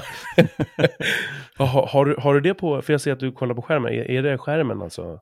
Ja, får jag, på- jag, jag vet inte hur det kommer sig att jag får in sms på min dator också. Har du Apple eller? Ja, jag, Ja det har du ju, för du har ju Apple TV, eller Ja. Apple-telefon. Ja, förmodligen är det väl för att jag har, um, vad heter det, jag har, eh, vad heter det nu? Eh, ah, mitt Apple-ID är väl installerat på bägge naturligtvis. Ja men precis, ja. man Ja, det är smidigt.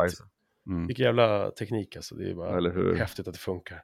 Ja, visst är det fantastiskt. Ja, sårbarheten. Ja. Så, ska vi se. Då är jag tillbaka igen. Ja, nej men bara sårbarheten. Jag, jag tycker det är bara synd. Samtidigt så är det egentligen ett icke-ämne. Det, det är bara att det, det, det, det, det sker, jag tycker man ser det så jäkla tydligt. Jag vet inte hur du lär känna människor. Eh, men för mig är det ju att bara vara 100% ärlig och öppen liksom. Ja, alltså. Är,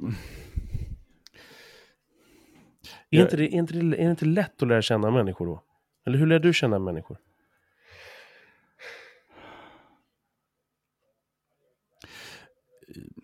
Jag verkar tror ju att... vara jätteöppen.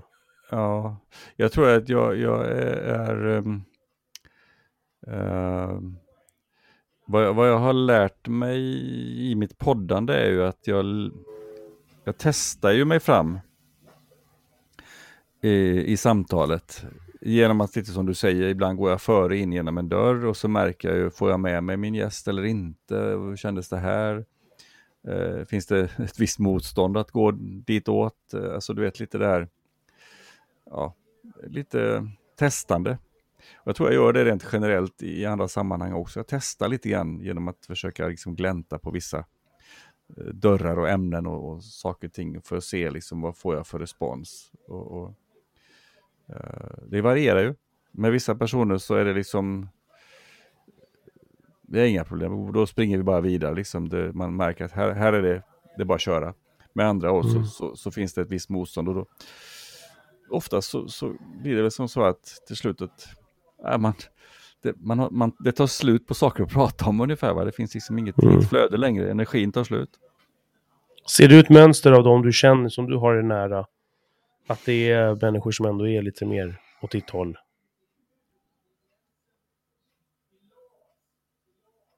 För jag tänker att man- ändå Mm. attraheras oftast av de som är ganska lika i grunden Ja. på något sätt. Liksom.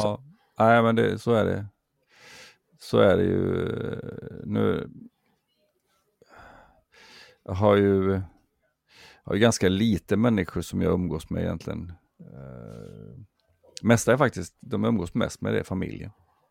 Mm. Alltså jag, min hustrus, våra, våra barn, vi har ju vi har ju en hög med tanke på att vi inte har några gemensamma utan vi har ju varsitt håll och så har vi ju deras respektive och numera barnbarn också så att det, det, det räcker att bli över och umgås med det gänget. och det, jag, jag, tycker det är fantastiskt, det, jag tycker det är, det är underbart, vi har fantastiska barn med och fantastiska respektive och, och även barnbarn då nu. Min fru har ju barn, barn som är lite äldre då, så jag ju, fick ju öva på ett tag innan jag, fick, innan jag blev morfar på, om man ska kalla det på riktigt, rent biologiskt då. För jag kan gå och längta och, och fantisera ibland om att få bli morfar eller mm. farfar och hoppas att man hinner få uppleva det. Eh, häftigt att se en, liksom, en generation. Mm. För ibland kan jag slås av det när jag är med mina föräldrar, liksom, exempelvis med mm. mina barn. Mm. Så är det så här, fan det är dem, det är jag och nu är det dem. Mm. Och, och vilken, att, det bara, att det bara lirade liksom. Mm. Att man själv fick barn och... Ja, det är coolt. Det är häftigt hur man, hur man um, det finns en, uh, när jag är i mina mör mörkaste stunder ibland uh, i tankar på döden så, så brukar jag gå in, finns det ju en, en um, han var väl filosof, psykolog, jag vet inte exakt, men en, en kille som hette Alan Watts. Okej. Okay. Eh, som, det finns mycket så här jättefina YouTube, eh, mm, där hans, dels rena lektioner om man säger, filosoflektioner där han pratar om saker och ting, men också där folk har kombinerat hans, eh, hans prat med en fin musik. Mm. Och där han säger liksom att, ja men vad är det som, eh, vad är det som får dig, det finns ingen, det, det, it's, it's not anything radical, vänta, radical, alltså radikalt fel i mm. att bli sjuk och dö. Och att vi, eh, det är som att vi, vi ger vidare en passing a torch. Mm, eh, mm. Facklan liksom, man ger över facklan. Jajamän. Och det, det, det, tycker, det tycker jag är fint att tänka på ibland, liksom att okej, okay, ja ja, men jag kanske dör, men jag har i alla fall fört vidare någonstans. Mm. Man försvinner inte, och det är, det är något super-ego-tänk, tänker jag också. Så att man liksom inte blir helt betydelselös. Men, men det är nog väldigt fint med, med att liksom få, få, få, få skicka vidare facklan. Mm. Få barn och att, att, vilket ansvar det är liksom att, att uh, uppfostra barn och att de går ju ut där i världen efter hur vi någonstans, mm, beroende på vilket jobb vi har gjort bra eller dåligt. Eller... Mm. Men så är det. Det är helt rätt. Så det måste vara jävligt fint bara att få se ytterligare. Ja, men det är klart att det är det ju. Absolut. Kategori. Det är det definitivt. Det är, även om det är, ja, faktiskt även fram till idag ibland känns lite overkligt liksom. Alltså det, ens barn har fått ett barn. Man liksom, Hur gammal var du när du var pappa? Du måste vara ganska ung då. Hur gamla är barnen? Uh, ja, detta är min, uh, ska säga, min yngsta, hon fyller 24 i år. Mm. Så, och min äldsta hon fyller 27. Så jag var mm. 30 när jag fick min första. Åh, oh, du har ju du, eftersom att du har två döttrar. Mm. Jag måste fan lyssna lite, vänta. Eh, nej men min, min, dotter sitter här ute så att jag, jag, bara, jag måste bara säga, vi är på väg in här nu i, i tonåren här och mm. Man har redan börjat märka. Vad har du för tips till en blivande tonårsdotter? Ja. För, för det, det, det, där har ju Navid snackat mycket om. Han säger att det är att vara, det är någonting som inte jag riktigt tänkt på det sättet, men mm. det är svårt att vara flickpappa, brukar han säga. Liksom så här. Och för att det är ju, det, det jag märker bara skillnaden är att det finns ju en automatisk understanding mellan mig och min son. För att, mm. Bara för att vi, av den enkla skälet att vi är av samma kön. Mm. Um, och det är inte så enkelt som jag tänkt att bara för att det är ens barn och man lär känna sitt barn förhoppningsvis bra. Det är ändå en skillnad att, att ha ett barn av det andra könet, upplever jag i alla fall. Alltså jag, jag har ju ingen erfarenhet av att vara pojkpappa då. Nej. Så jag har ingenting att jämföra med. Ehm, så jag jag tror aldrig jag har tänkt att det har varit något speciellt på det sättet. Eh, alltså det, det som jag kanske då har, det som kanske har varit tuffast. Eh, det har ju varit tankar i, i, yngre år. Eh, oron över att det ska hända dem någonting. Alltså att, att de ska råka ut för våldtäktsmän exempelvis. Alltså då vet jag inte riktigt hur jag hade agerat. Men det, det har ju funnits en oro i vissa sammanhang definitivt. Sen, mm. sen har jag, jag har jobbat ganska hårt eh, med min tillit.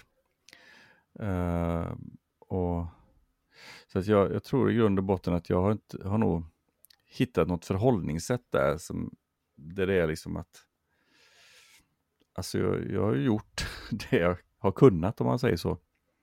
Tillit, jag, tillit till, gentemot ja, dem?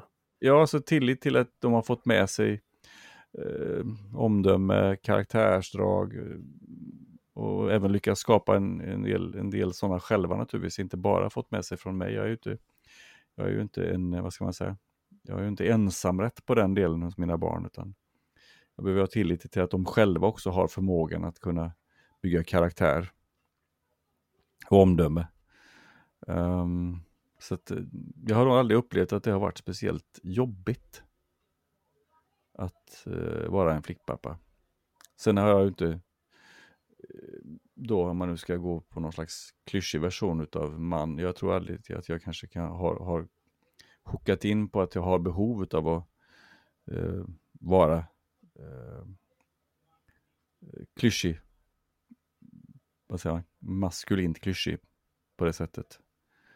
Um, vi har alltid hittat saker och ting som vi, där vi connectar, jag och tjejerna på något sätt. Uh, på ett naturligt sätt. Så att jag har nog aldrig tänkt att de, jag har nog aldrig sett mig själv nödvändigtvis som att jag är, att jag är en flickpappa. Jag, jag kan konstatera det eftersom jag har två tjejer, att jag, att jag liksom kommer biologiskt bara bli en morfar, men inte så att jag har gått och funderat på att jag skulle haft det på något annat sätt. Jag tror att mycket av, av grunden i min fråga så där är, jag, jag, sitter och tänker på när jag mm. lyssnar på dig och det lilla jag har lärt känna dig och när vi har pratat mm. så tror jag att det finns en, en hos mig någon slags, um,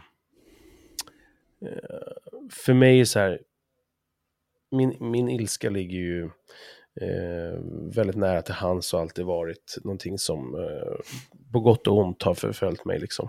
Mm. Och eh, apropå, apropå det här med att förstöra sina barn så lite som möjligt, som min, min kompis Sebbe sa, så eh, tänker jag ju lite spontant, jag tänker på honom nu när du pratar sådär. Eh, för att ni har ett, eh, både du och han har någon slags inre lugn som jag märker att jag själv, eller in, inre lugn, men du verkar ha ett lugn som person och som jag mm. kan bli så här, avundsjuk på när jag vet hur jag kan snabbt eh, brista ut i någon, någon, någon massa jävla fula svärord och, och, och bli förbannad och jag har svårt att kontrollera mina känslor när jag blir förbannad för saker som händer kring dem, på dem och så vidare. Mm. Eh, så att det, och vad jag menar med allt det här är att någonstans, så vad jag förstår så är det så här att pojkar letar ju ofta och, och tycker om saker som eh, letar efter kvinnor, om man nu är hetero, letar efter kvinnor som ens eh, liknande karaktär, karaktärsdrag som ens mamma har. Mm. Och likadant att döttrar, de kommer leta efter kommer leta efter typ karaktärsdrag som ens pappa har. Liksom. Mm. Jag har tänkt mycket på det där och jag, jag kan inte säga att det är så 100% men, men det låter rimligt och jag tänker själv vad jag uppskattar hos eh, eh, kvinnor liksom, så är det ju såklart jättemycket av det, av det som, som jag märker, som jag har vuxit upp med min mamma. Liksom, så mm. Omhändertagande och så som hon är så superkärleksfull liksom och sådär. Mm. Eh, och positiv och allt som hon har varit. Så jag, jag märker ju vad jag själv liksom attraheras av psykologiskt liksom. Mm. Så att Ja, jag vet inte riktigt hur jag ska knyta ihop den här säcken. Alltså. Men det här med ilskan, bara att jag märker att när jag lyssnar då på dig som, som där med flickpappa är så här att mm. fan jag vill ju inte att hon ska, sen tror inte jag att det är sån kille hon kommer hitta, om hon nu gillar killar. Um, utan hon kommer leta efter någon som är gissningsvis ganska vettig, inte bara någon som är ilsken och står och liksom hugger ved och slår armarna i, eller händerna i väggen. Men, men, men jag har den delen i mig och då, mm. det, det påverkar mig så mycket i min tanke om hur jag påverkar mina barn. Så att när jag träffar någon som min kompis Seb eller när jag pratar med dig och varför jag frågade den här frågan om så, så, eh, vad, vad, har du för tips nu, jag som ska gå in i en tonårsperiod här med min dotter, så, så ligger det mycket grunden för min tanke och känsla varför jag frågar. För att så här, det, det, är svårt för mig att hantera vissa saker och, och jag har så lätt vid stress, eh, rädsla, att mm. agera med ilska. Och du verkar så jävla lugn och soft och så här. Ja, fan, och sprängde en granat utanför här, det... Ja, ja. Det var tur att inte mina fönster gick sönder. Det är liksom den feelingen jag får av dig. Och då tänker jag så här, fan, hur tog du dig igenom tonårsperioden som, som för mig nu väntar? Som jag, jag är livrädd. Livrädd, Lasse. Ja, jag, jag tror till, till, skillnad då, det, det, jag börjar faktiskt fundera på när du säger så här, liksom att okej, okay, vad kan du säga, mina döttrar, hur, hur den här är deras partners. Så inser jag att ja, de, är, de är ganska lugna. jag, jag, det är precis som du säger, min, min ena dotter hon brukar dessutom säga så här att när jag är stressad säger hon så ringer jag dig för du är så jävla lugn. då, då, blir jag lugn också. Mm. Uh, men, men jag säger så här också att jag, jag, kan ju inte vara på ett annat sätt än den jag är. Jag tror inte du ska vara på ett annat sätt än den du är. Och istället kanske ge, ge 17 i att döma dig själv för, för, för, att du är som du är. För det, som jag ser det har ju massa fantastiska karaktärsdrag i i dig som person. Eh, och, och, det vore ju tragiskt att du skulle ta bort dem för att du tror att du behöver vara på ett annat sätt för dina döttrars skull, eller för din dotters skull. Det, det skulle jag inte ha gjort. Så att, var som du är. Det är mitt bästa tips. Mm. Vad fint, tack. Det var så lite så. Mm. Nej, det var det ju inte. För jag menar barn, eh, ja, även, även unga, unga vuxna, man kallar dem för det, de, de känner ju av det genuina. De känner ju av det äkta. Så att, och de är mycket bättre på det än vad jag tror många äldre är som någonstans går omkring med allt för mycket filter liksom annat. Så att, det tror jag det skulle bara bli fel om man försöker vara på något annat sätt. Fy fan vad bra barn är på att känna tror jag. Ja, skojar du? Och, jag vet inte, jag var och badade där idag som du vet med, mm. med, med, mina två barn och eh, deras två kompisar.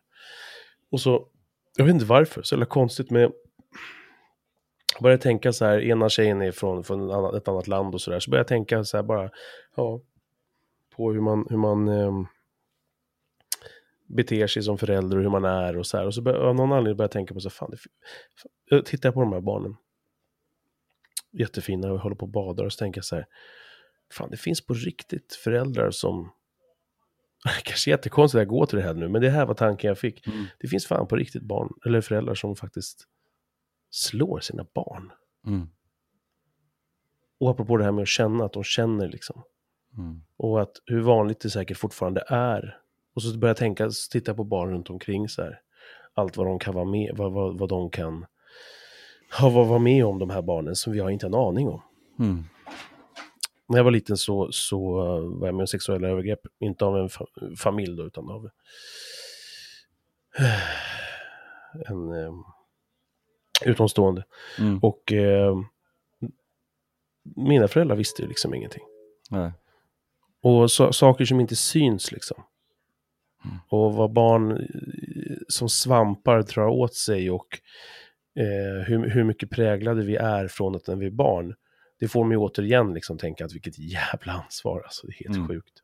Mm. Så vilket ansvar vi bär på. Men jag menar så länge man, man, man försöker göra så, gott som man kan och reflekterar över saker och sådär så, nej, det är väl förhoppningsvis så som du säger, jag behöver inte vara så orolig, men, men och ska inte vara så hårt dömande. Nej. Vilket det är också helt roligt när, när du sa det, för att jag har ju aldrig sett mig själv som det. Jag har tänkt så här, nej men jag är ganska jag är schysst mot mig själv. Men så har jag börjat märka det när folk har påtalat det som jag har nära kontakt med. Att sluta döma dig så hårt så själv. För att jag har märkt det, att, till exempel med andra föräldrar, när man har pratat med, med kompisar som har föräldrar, och, eller som är föräldrar och har barn i samma ålder och sådär, så så är det väldigt lätt att ge tips till någon annan. Nej, men, och säga till dem, nej men du, nu tycker jag att du är för hård mot dig själv. Du Mm. får ju se på hela situationen här. Jag förstår, det är jobbigt att du blev arg på, och skrek på ditt barn, men var inte för hård. Sen när man Mm. själv gör det, Mm. då känner man sig som att man precis har liksom, mördat någon. Mm. Så man är ju oftast jä- jävligt hård mot sig själv. Liksom. Så är det ju. Mm. Så att eh, det är, det är intressant och det har jag börjat upptäcka sista tiden här. Att fan, jag kanske är väl- ibland för lite för hård mot mig själv. Liksom. Samtidigt som man går, så det är så lätt att säga det till någon annan. Ja men Lasse, Mm. var inte så jävla hård mot dig själv. Du får tänka på situationen. Som det här som du sa också med föräldrarna. Att man, de gjorde ju sitt bästa som de bara kunde. Mm. Man kanske skulle behöva ha den tanken lite mer om sig själv. Jag vet inte varför man är så snabb och bara hugger sig själv i ryggen. Liksom. Nej, det, jag, nej, det har jag ingen svar på heller, men jag tror att det, det är liksom i, i alla sådana här situationer så är det ju lite grann vad man matar sig själv med och det är klart det kanske krävs då en lite mer, lite mer medvetenhet för att mata sig själv med, med någon slags, att vara självsnäll liksom. Eh, vi, vi kanske är präglade på ett sätt att vi inte ska vara självsnälla. Vi det är mer, vi är liksom mer vi har blivit präglade att, att, att, ja lite du vet, att vi inte ska tycka för mycket, för högt om oss själva. Det, den svenska jantelagen är väl inte, kanske inte fullt ut det, men det ligger någonting där i alla fall. Att, Tro Mm. inte att du är något liksom. Utan, Ja, verkligen. och jag tycker, säger, säger att absolut, du är en fantastisk människa. Och det kan man väl liksom välja att tycka om sig själv istället för att tänka att, ja, vem fan är jag som ska? Mm. Men det kräver ju då ett, ett medvetet val liksom att, att jobba med. Mm. Eh, och också inse liksom att det inte är fel att göra det, utan det är fan bra. Mm.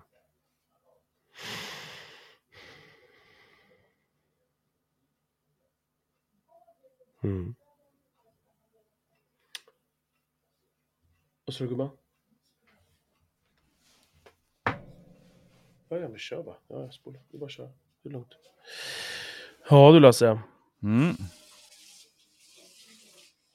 Ehm, jo, men för, bara en sista, en törn på det där bara är ju just att, att inte, jantelagen, att inte vara för positiv mot sig själv. Jag kan ju känna det själv, fast jag innerligt vet Mm. att eh, det här är någonting som jag kan vara stolt över. Mm. Exempelvis podden. Eller att jag vet att jag är en duktig trummis. Men ändå Mm. när jag säger det, det sitter så djupt rotat. Det kanske är likadant i Finland och USA och liksom, Italien också, att, att, Mm. att, att, att, att folk känner så när de pratar om sig själva. Men jag tror att det ligger lite djupare hos oss som svenskar. Mm. Liksom, man känner ju ändå att jag är, jag är lite smutsig när jag säger att jag ändå är, jag är stolt över det jag gjort med podden. Och, och är inte det Jag galet? kan inte komma ifrån det. Va? Alltså, och är inte det galet? Att Ja, det är helt åt helvete. Det är klart jag ska kunna säga att jag är bra på det här. ja visst, eller hur? Alltså, eller äh, bra, men att jag är, ja, du, ja, du, du ser ju. Helt galet. Vad är frågan om? Ja, Ja, man måste kunna klappa sig själv på axeln liksom. absolut. Det tycker jag. Du, eh, nu ska du gå ut med hundarna och vi har lirat in nu i eh, två timmar och sju minuter. Ja. Eh, det här var jättekul, eh, tyckte jag, Lasse. Och, Ja, detsamma. Eh, jag kommer, jag, det jag känner nu är ju Mm. att jag... Det är kul att ha en, en, en- en, gubbe i lådan. Och jag, jag tänker att det, skulle vara kul att kanske få bjuda in dig någon gång igen. ja, Eh, jättegärna. Jättegärna. För att jag känner att det tar alltid någonting, det tar alltid ungefär en timme. Jag tittar på klockan faktiskt då. Mm. Det tar, fan, det, det är en magisk eh, tidpunkt har jag märkt. För det har jag pratat med flera poddar om, att det, och det, det tar ungefär en timme innan man Mm. börjar liksom komma i sväng, komma i Mm. bluesen. Mm. Så att eh, jag skulle jättegärna kanske vilja bjuda in dig senare om jag får. Absolut. Jättegärna. Och, och du, du, du, jag tycker jättemycket om det som jag, om dig som jag har hört hittills och, och i podden och allting. Så det, det vore skitkul att få prata ännu djupare någon gång med, om, om andra saker. Självklart. Inga som helst problem. Jag älskar det här. Jag älskar samtal liksom. Jag tycker det är fantastiskt. Mm. Fan vad roligt. Ja. Och, och det, det, här, det, här, det måste jag också säga, det här är första gången jag gör det här över nätet. Och Ja. att det har funkat ändå så pass bra och, och fantastiskt ändå. Och många har sagt så här, nej men det blir inte samma feeling och man känner att ni inte, till och med lyssnare har sagt så, men man känner Mm. när, när folk träffar, eller pratar med varandra över nätet, för att det blir inte samma grej. Men ja, jag vet inte. Kanske måste prova några gånger till, men jag tycker att det är i stort sett det är samma. Liksom. Ja, alltså jag vill nog säga samma sak. Jag, jag var också ganska skeptisk. Jag hade också en tanke, nej men liksom det är det fysiska mötet och så vidare. Men, men jag upplevde att det, det stämde inte, utan det, det... Jag har haft fantastiska samtal eh, i studio. Jag har haft några samtal i studio som har varit lite tuffare, svårare jobb och lite segare. Och precis på samma sätt har det varit när man har kört på distans digitalt. Då. Exakt. Mm. Så att det, det är andra saker som påverkar tror jag. Sårbarheten. Ja, eller hur? det är det. Bland annat. Exakt, ja men den är viktig, det tycker jag. Mm. Ja men du, fan jag vill gärna eh, lite, sitta och vara lite blödig med dig någon annan gång igen också. Så vi hörs eh, framöver då, Lasse. Absolut, det gör vi. Det gör vi. Eh, tack snälla för idag. Tack själv, tack för att jag fick vara med. Eh, ha det bra. Detsamma. Tja. Tja. Bye.